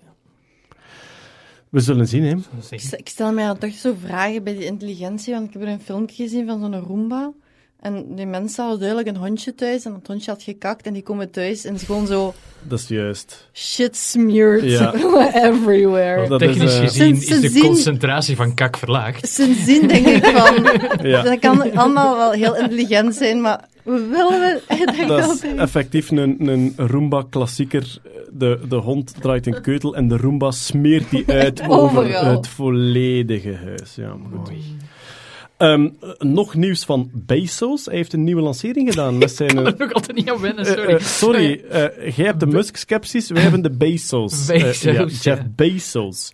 Ehm, hij heeft een nieuwe lancering gedaan met zijn Blue Origin. Ja, maar weinig tamtam rondgemaakt, had ik de indruk. Ja, inderdaad. Hij heeft het niet echt als PR gebruikt. Maar ja, Blue Origin is nog altijd... Ja, je hebt SpaceX van Musk, wat een heel performant eh, lanceringsbedrijf is, die dingen echt in een baan rond de aarde brengen enzovoort, en naar de maan willen. En Blue Origin, tot nu toe, was gewoon een raketje dat omhoog en naar beneden ging. Zijn ambities zijn groter. Hè. Ik, denk, ik denk dat hij ook met die Blue Origin uiteindelijk naar lanceringen in een baan rond de aarde wilt. Maar ja, nu een nieuwe lancering. Hij heeft er weinig tamtam rond gemaakt. Ja, Ja, ze hebben deze maand al sperma naar de ruimte geschoten, dus ik snap ook wel dat je in die maand zoiets hebt van, wel, mijn midlife crisis projectje kan ook wel even, Ja. even zonder nieuws. En dan hebben we nog één eh, eh, Silicon Valley gorilla die in het nieuws was, namelijk Zuckerberg, die ja, uitgehoord is door het Amerikaans... eh, was het parlement? Ik weet het Ik niet denk, eens. denk eh, eerst door het parlement en dan door nog een commissie. Het was, ja, maakt niet uit dat En wat daar vooral ehm, spectaculair aan was, was het, ja, het complete onvermogen van de politici om te vatten waar, Ja. waar zij mee bezig zijn. Eh, Ja, Jeroen, ik weet niet, ik kijk even naar u. Ik vraag me af, valt er nog iets over te vertellen? Want er is al zoveel over gezegd. Mark En- Zuckerberg drinkt en praat als een robot, maar dat wisten we al. Ja. Ehm, een paar dingen vielen op voor mij. Op een bepaald moment heeft hij gezegd, ehm, er zal altijd een versie zijn van Facebook die gratis is. Dat kan een verspreking zijn, maar dat kan ook een manier om te zeggen, zijn om te zeggen van kijk, eh, we gaan, we gaan de deur openzetten naar een betalende versie. Hij heeft heel vaak sorry gezegd, eigenlijk een beetje het verhaal dat we al een paar jaren horen. En op een bepaald moment, het grappigste was eigenlijk een van de, de oudste senatoren, Orrin Hatch, echt een man die, je moet dat filmpje maar eens opzoeken, die op een bepaald moment tijdens een senaatshearing zijn bril afzet. Maar hij heeft geen bril op.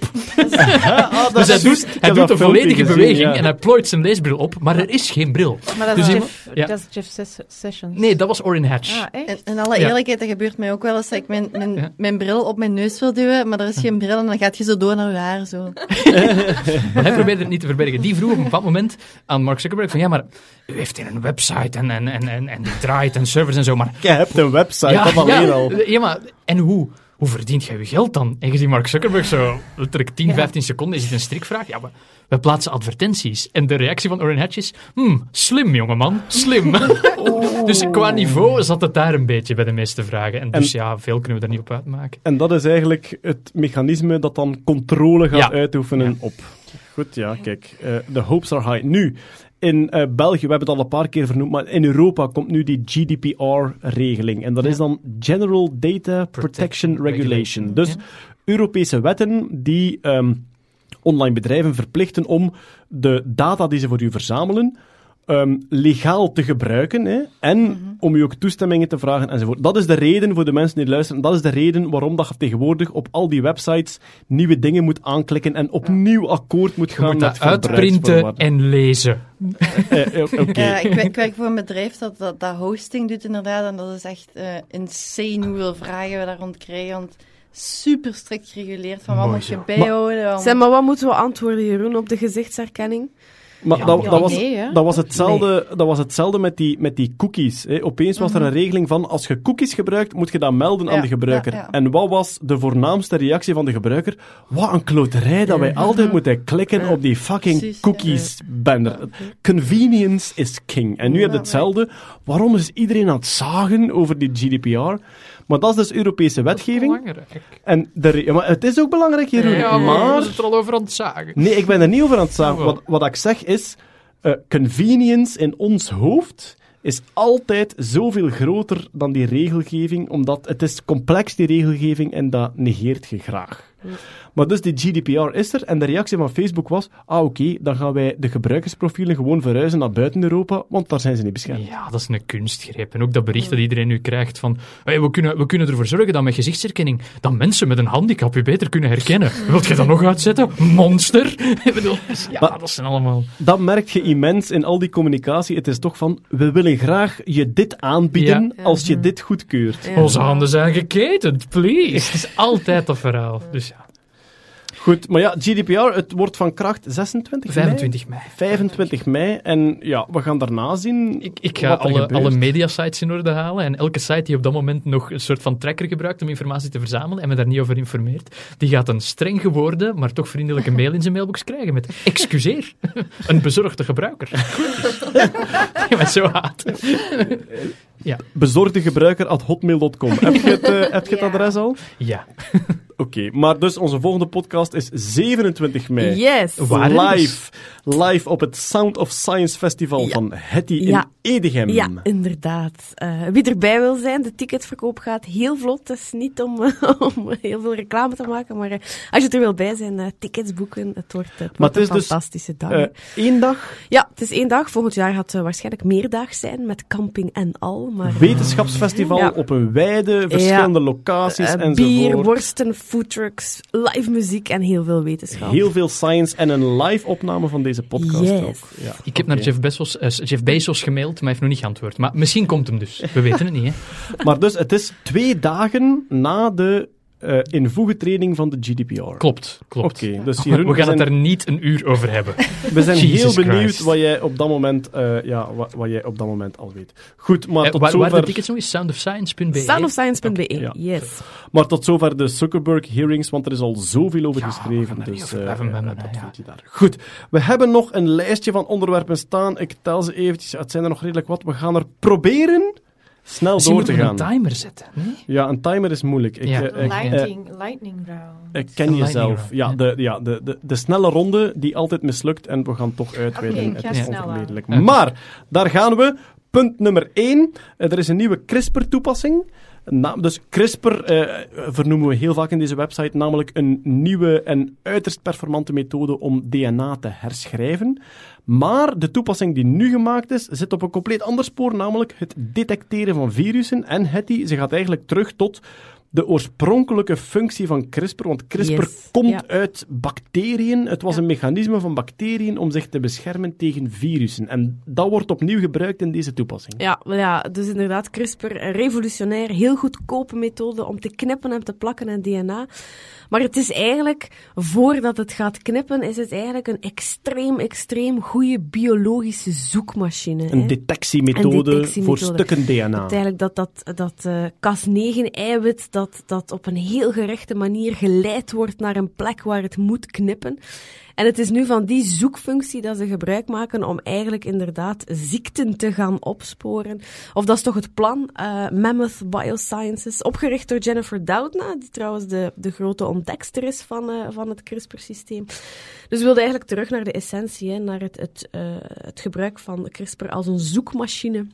Eh, om te gaan kijken of er ergens of mutaties zijn, of virussen aanwezig zijn in ons DNA enzovoort. En is het wordt dan... een soort een creditcard eh papiertje, Mhm. waar je eigenlijk eh, ja, een, een beetje bloed of urine of speeksel moet ehm, opdoen. Afhankelijk van waar het virus zit. Ja? Ja, ja, inderdaad. Eem, en dan wordt er eigenlijk gebruik gemaakt als, als het systeem de aanwezigheid detecteert van dat virus of van die bacterie of van die genetische mutatie. Zit er ook een soort reporter in die van kleur verandert als het CRISPR-systeem in actie schiet. Dus dan wordt eigenlijk uw creditcard groen. Dan moet je daar gewoon een foto van trekken met je smartphone, doorsturen naar de website en binnen een half uur krijg je het resultaat of jij eh, een bepaalde ziekte hebt. Dat, Ja. is, dat is zo cool daaraan. Hè. Dus eh, CRISPR was bij bacteriën, als een bacterie aangevallen werd door een virus, dan... eh, Nog altijd, hè? ja, voilà, inderdaad. Ja, was, ja, inderdaad. Zo, zo is het ontdekt. Dus eh, eh, CRISPR, het is, een, het is een eiwit in een bacterie. Als de bacterie aangevallen wordt door een virus en de bacterie kan het virus verslaan, onthoudt die gewoon een stukje DNA. Ja. En dat blijft constant zoeken in Ja. die bacterie van als dat virus nog eens binnenkomt Ja. en ik vind dit stukje DNA, dan mag ik ze dood. Dus die zoekmachine is geweldig goed. En is het dan zo simpel dat ze gewoon effectief stukken DNA van virussen die in mensen voorkomen, ja, in het labo in dat eiwit stoppen? waardoor die kan gaan zoeken. Kort door de bocht, omdat we niet veel tijd hebben, ja, absoluut. ja, ja. Dus je hebt Ja. verschillende eiwitten met allemaal eh, een stukje DNA van virussen die je wilt detecteren. Die gaan dat zoeken. En door een ander systeem, de moment dat ze het vinden, komt er ook een kleurstof Ja. vrij. Exact, ja. Maar dat is toch het, ja, het geweldige opwindende eraan, dat je dan nog eens koppelt aan de huidige elektronica. Dus dat je gewoon met je Ja. smartphone, Ja. die, er gebeurt iets op geweldige microscopische schaal, Ja. moleculaire schaal. Dat het plots zichtbaar wordt voor het blote oog. Komt er een Ja. kleur vrij die op Ja. macroscopische schaal zichtbaar is, die je met je elektronica-telefoon detecteert. En de specifieke kleur wordt herkend door de website als zijnde dit virus is nu gevonden Ja. in uw bloed. En dan kom je in, in, in de buurt van die, die do-it-yourself medische testen. Hè. Er is vorig jaar denk ik veel te doen geweest over die AIDS-zelftest. Ja. Ehm, maar goed, ik vind dat een, een heel boeiend iets om, om te volgen. Ze zijn er nog niet, ze zijn nog partners aan het zoeken, maar eh, ja, komt eraan. Oké. En die website zegt dan, geen ziekte gedetecteerd, maar u bent wel een seriemoordenaar uit de jaren 70. Maar is, is het enkel voor virussen of ook Nee, voor nee, nee, ook bacteriën? voor, ja, ja, en voor eh, genetische mutaties ook. Hè. Dus, Dus voor uw eigen, ja, DNA, uw eigen DNA, gaat die ook, gaan ja, onderzoeken. Wauw. Ik, eh, ik las van de week ehm, een artikel over een artificiële moedervlek die ze u geven. En dat eh, wanneer jij... Nu zaten er vier soorten kankers in. Ik dacht prostaatkanker, darmkanker en dan nog twee andere, dat weet ik niet. Ehm, dan zouden blijkbaar, als je in een vroeg stadium eh, kanker hebt, dan zou het calciumniveau in je bloed verhogen en dan zou die, eh, die moedervlek van kleur beginnen te veranderen. Dan zou je die beginnen zien. Dus je hebt gewoon een detectievlek er wordt ergens een in huid. in je huid aangebracht. En van het moment dat jij in een vroeg stadium zit van bepaalde kankers, dan zou er het calciumniveau... Maar ik heb het gemist, maar ik zoek maar het op. Ik, Ik, ik las zoek het op. Ja, en dan zou het calciumniveau in je bloed verhogen en dan zou die, dan zou die vlek verkleuren. Maar hoe brengen ze een artificiële Ik, moedervlek ik aan? weet het niet. Ik zag dit gewoon zo? passeren en ik dacht van, ja, oké. Eh, dat is... allee, het is, het, is iets heel, het is een heel andere techniek natuurlijk. Ja, maar maar, ja. Maar het- ik denk dat we daar wel naartoe gaan, naar dat Ja. soort dingen. Tien, dat je tien- heel vroeg die bepaalde ziektes, eh, wat Tien- het ook mag zijn. Tien kan- vlekken op mijn lijf om mij zorgen van te maken. Ik zou dan constant bezig zijn, maar oké, nog geen kanker, Ja, nog geen ja, aids, nog... ja. Ik bedoel, Ja. maar, beetje de, de Dr. Google 2.0, hè. Ja. maar dat, Ja. dat werd ook gezegd in dat artikel, wordt het niet Dr. Google 2.0, maar het zou hopelijk toch sluitender zijn dan ik hoop het. Ik hoop het. symptomen. Maar ik vrees dat er soms ook gewoon heel veel commerciële belangen mee gemoeid zijn, waardoor Ja. dat dit op de markt komt als... als ja, eh, En vals iets- positieve voilà, lijken voilà, mij ook voilà. een probleem. Dat is altijd, groot ja. Vals Ja. positieven is... eh, Als je zo geen tien van die vlekjes wilt hierin, kun je misschien zo'n tramstamp. Welke kleur heeft mijn tramp stamp? Oké, ik ben nog safe. Bestaat trouwens ook al. Tatoeages die van kleur veranderen Ja, ja. als je koorts hebt, bijvoorbeeld. Ja, ja. Dus die echt, dat je kunt zien aan de tattoo van... Dat tatoeëert hij toch een thermometer. Eh, we hadden nog een DNA-nieuwsje, namelijk eh, het ehm, eh, legendarische album Mezzanine van Massive Attack is volledig opgeslagen in DNA. Dus Wauw, en dat is een keigoed. Dat is echt een keigoeie ja, plaat. dus D- DNA kan ook gebruikt worden als dataopslag. In plaats van eentjes en nulletjes werken dan met GTCA natuurlijk. En het zou vooral onder de juiste omstandigheden veel langer houdbaar zijn dan onze huidige dataopslag. En ze hebben gekozen dus voor dat album hier. Dat album bestaat 20 jaar. Het is een beetje een, een, een promostunt ook. Het is een bedrijf in Zurich dat eraan begonnen is. Ehm, de- het grootste aantal megabytes, dus de grootste hoeveelheid data die ooit op een, in DNA is opgeslagen, zou 200 megabyte zijn. Dat heeft Microsoft ooit gedaan. Dat was een filmpje van de band OK Go. Dat zijn die met die, Ah, ja. met die leuke die videoclips en gekke zo. clips, Ja. ja. Dat was 200 megabyte. Nu, dit hele album zou, en daar werden mijn wenkbrauwen toch al eventjes gefronst, zou 15 megabyte innemen. Wat voor de, de iets of wat, het is een album van 50 minuten, 15 megabyte. Dat is niet zo'n geweldige kwaliteit, maar laat ons, laat ons dat even... eh, Is dat MP3 of nog lager? Nee, het is de Opus codec. Dat is zoals een codec die eigenlijk bedoeld is voor stemgeluid, wat dat Hmm. op een instrumentaal album nogal redelijk moeilijk is. Maar zwart, daar gaan we even, eh, even totaal... Het is een promostunt natuurlijk. En eh, het zou opgeslagen worden in stukjes DNA. En die stukjes DNA zouden dan op eh, 5000 kleine glazen knikkers eh, geplakt worden. Waarom op 5000 kleine glazen knikkers, zei hij? Wat, wat is daar het nut van? Je Houdbaarheid, wilt, denk ik. je niet? wilt naar Teardrop luisteren, het eerste nummer op het album, begin je 800 knikkers maar te zoeken. Hè? Maar ik denk dat dat eh, de vinger, de nagel op de kop is. Hè. Dit is zeer, zeer slecht en zeer traag uit te lezen nog altijd. Dus Ja. ik denk dat dit echt iets moet Ja. zijn voor lange, lange termijnopslag en niet voor, voor een, een cd op te zetten. Ja. Maar dat, is, dat wordt heel vaak gezegd over DNA-opslag. Het gaat hem niet over het snel bruikbaar zijn. Het gaat hem over, willen we over duizend jaar deze data data nog hebben. En dus DNA in glazen knikkers zou dan blijkbaar een goede kandidaat zijn. Op glazen knikkers erop geplaatst. Zo, zo lees ik het. Maar het is ook geweldig compact. Hè? Ik bedoel, in 1 gram DNA kun je gigantisch veel opslaan. Ja. 1 gram DNA is eh 1 biljoen terabytes aan data. 1 biljoen Wauw. terabyte. Het is Ja. waanzinnig. Oh. ja. Dat is, Dat is ja, eh, ongelooflijk. dat is een camion SD-kaart. Ik dacht, Marianne Verhelst had hier ooit verteld dat alle data van de wereld in twee emmers Ja. konden. Twee, Twee DNA. emmers, twee emmers DNA, daar Ja. kun je alle digitale data die ooit wereld, dus alle. YouTube-filmpjes, al uw eigen foto's, alle documenten, alles, alles, alles, in twee emmers DNA eh past Twee dat. emmertjes. DNA. Net een helft van het internet leeggegoten. Wat heb jij gedaan? Eh, trouwens, allee, nu niet voor het een of het ander, maar Mezzanine van Messen Vertek, ook een ongelooflijke poepmuziek, hè? Nee? Dijk van een plaat. Dat is, maar dat, dat is toch, boekmuziek? dat is toch, ja, maar dat is toch echt depressief. Ik nee? ben een beetje depressief voor poep. Hey. Allee, zitten. Ja, oké. Ja, nee, ik vind dat wel een van de beste albums ooit. En trouwens, ja, die, die, Ja, die zijn altijd zo vooruitstrevend. En Ja. trouwens, een van die twee mannen maakt geweldige kunst ook. Ja. Robert Tel Nadja wordt ook eh, beweerd van Banksy te zijn, trouwens. Ja? Ja, ja, ja. Oh, wow! Ja. Oké, wacht. Ik ga even mijn mind laten... Poepmuziek. Goh, er is in Oké. 1998 veel betere poepmuziek gemaakt. Volgens Zijn mij was Ik heb een toet-toet-toeter op mijn waterscooter ook een hit uit eh, 1998. En ik zou toch durven zeggen dat er daar kinderen op verwekt zijn. Ik doe mijn best om niet te visualiseren. In 1998 was ik 11. Oeh. Dus beter niet. Ja, krokante zakdoeken op een toeter.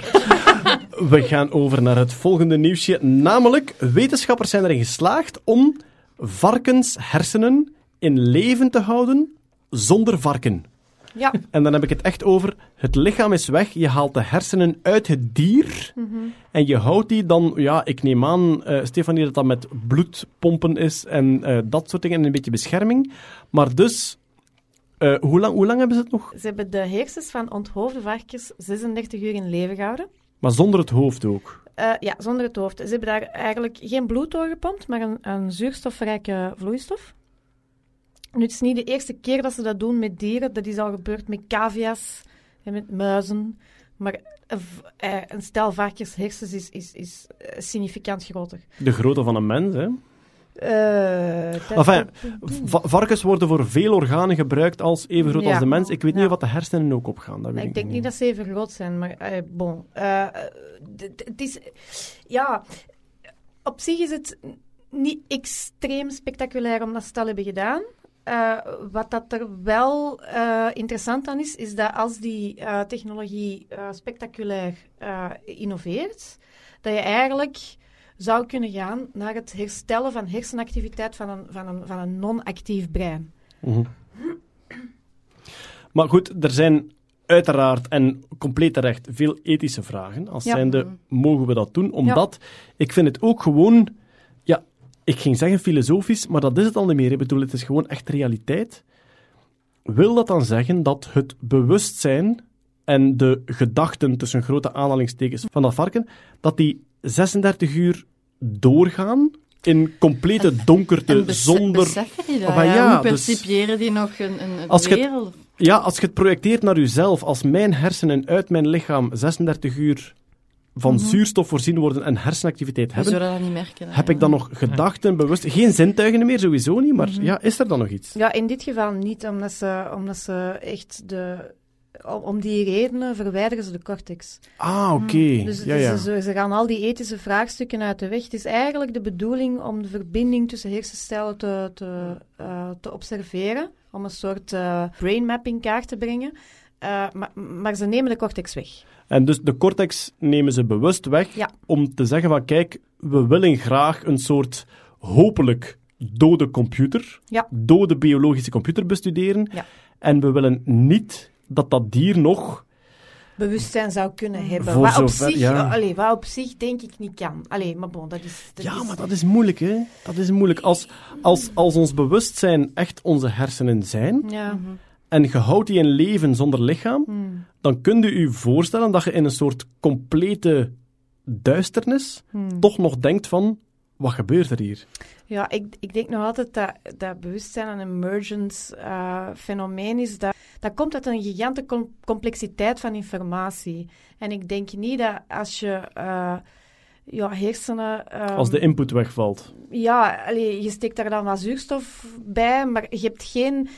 Je hersenen maken ook alleen maar je bewustzijn door de input die dat je hebt vanuit je lichaam. Maar als je slaapt en als je droomt... zeggen, ja. Ja, maar dat is een slaaptoestand. Maar je hebt nog altijd wel de informatie die je krijgt, komt nog altijd wel vanuit je, vanuit je zintuigen, vanuit je Ja. huid, Ja, je vanuit hebt je natuurlijk wel- als je gaat nooit niet bijvoorbeeld...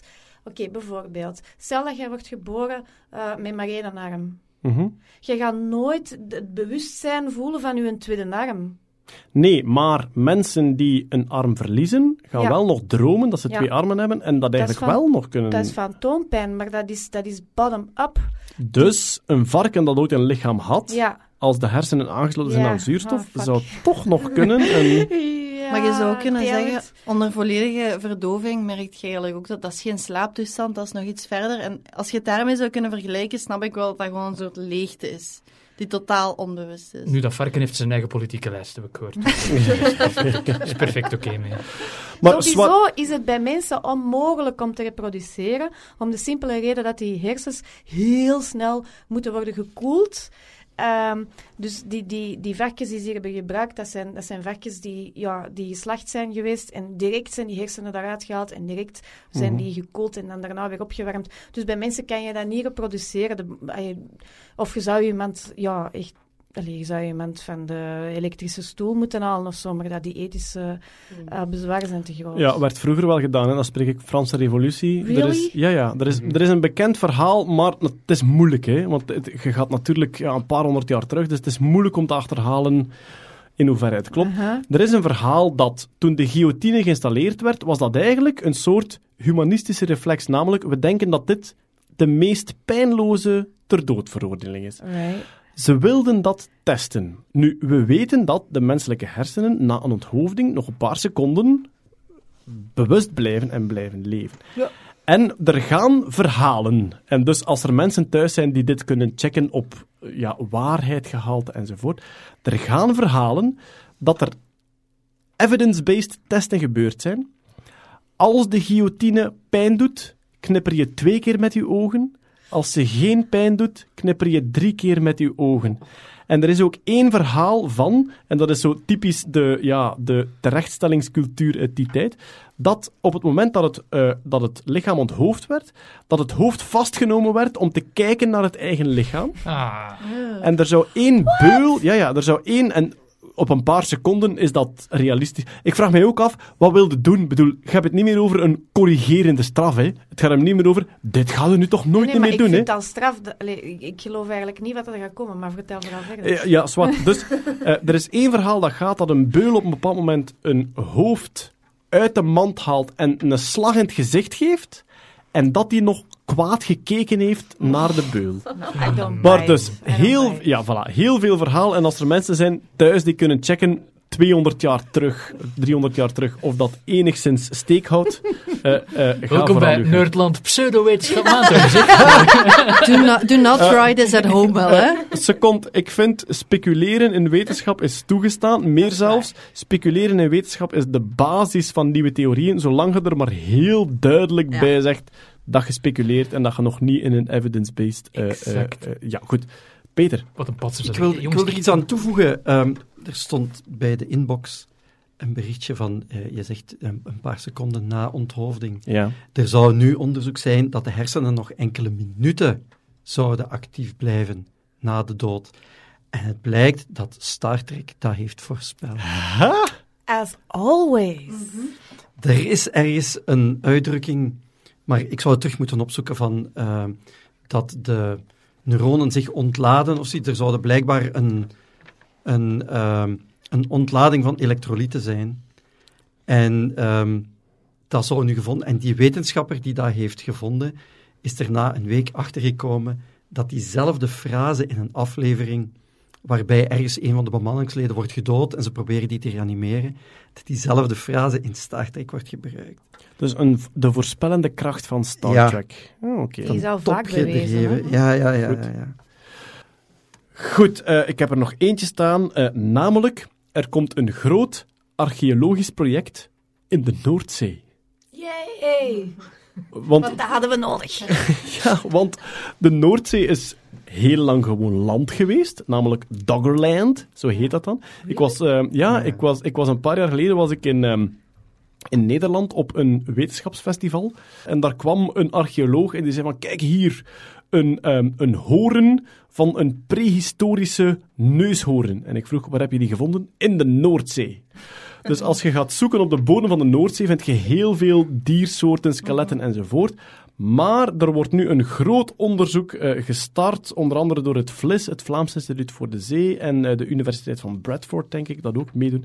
En zij gaan zoeken naar eh, menselijke nederzettingen uit Doggerland. Want zo heet dat dus, hè. Het, het, het stuk land, vroeger land en nu Noordzee, Doggerland. En daar is zelfs, ehm, ik denk twee maanden geleden, is daar de oudste Nederlander ooit gevonden. Dus een, een schedel van een prehistorische vrouw, die nu ja, een beetje officieel staat als de oudste menselijke bewoner die wij kennen van Nederland, de Lage Landen enzovoort. Maar dus er wordt een groot tweejaarlijks archeologisch project gestart van Doggerland in de Noordzee. Het spreekt ergens tot de verbeelding, vind ik, dat je archeologie doet op de bodem van de zee. Dus kijk, we gaan wachten op de resultaten en ik heb er goede hoop in. Goed, ik denk dat we rond zijn. We hebben weer een, lange rit gehad, maar toch heel veel diverse en ook boeiende onderwerpen. En ik heb nog twee dingen te zeggen, namelijk het Sound of Science Festival. Het wetenschapsfestival waar je naartoe kan gaan, van alles kan beleven en ons ook live kan bezig zien, gaat door op 27 mei, Hetty. Ja, in Edegem bij Antwerpen. En je kan dat vinden op soundofscience.be. Exact, yes. Soundofscience.be. Zeer welkom. En eventjes daarvoor, om uw honger aan te scherpen, is er ook het Pint of Science Festival. En Pint of Science is een Brits format, namelijk we gaan gewoon wetenschappers een lezing laten geven op café. Ja. Om het zo laagdrempelig mogelijk te houden. Iedereen kan binnenwaaien, er is eh, ofwel geen ofwel 5 euro inkom. En je kan gewoon met de pint in de hand aanschuiven bij de lezing over zwarte gaten, over genetica, over alles wat je Jeroen wil. heeft een lezing, zeker? Ah, is het waar? Ja, ah, jij oké. Eh, ik zelf niet, nee. Nee. Maar dus er zijn lezingen in, ik denk, acht steden in België. Ja. Wereldwijd in 300 steden. Er komen 100.000 mensen tussen 14 en 16 mei luisteren naar lezingen op café. Ik heb er al een paar gedaan in Engeland. Het is de eerste keer in België. Ik heb er een paar gedaan in Engeland. En het wonderlijke is, door die laagdrempeligheid, al die nervositeit is weg. Kent je zo het begin van de lezing van... eh, welkom, dames en heren, meneer de voorzitter. Eh, we gaan luisteren naar de eminente professor. Dat werkt niet. Iedereen verveelt hem al op voorhand. En nu is dat gewoon op café. De persoon die spreekt, spreekt vlotter. Het publiek zit minder met toegeknepen billen. En de vragenronde achteraf is op het gemak, want iedereen heeft een pint of een cola vast. En dus, eh, Pint of Science Festival, kijk vooral op de website pintofscience.be. En je vindt zeker lezingen bij u in de buurt. En als daar uw honger aangescherpt is, dan komt je gewoon naar het Sound of Science Yes. Festival op 27 mei in Edegem, waar wij ook onze live eh, podcast doen. Ziezo, dit was het voor deze maand. Hartelijk dank voor het luisteren. Dankjewel, Hedy. Met veel plezier. Dankjewel, Stefanie. Graag gedaan. Dankjewel, Peter. Graag gedaan. Dankjewel, Nata. Ciao, Kes. En dankjewel, Jeroen, die nu al op de trein zit en naar huis. Tot volgende keer. Dag. Bye.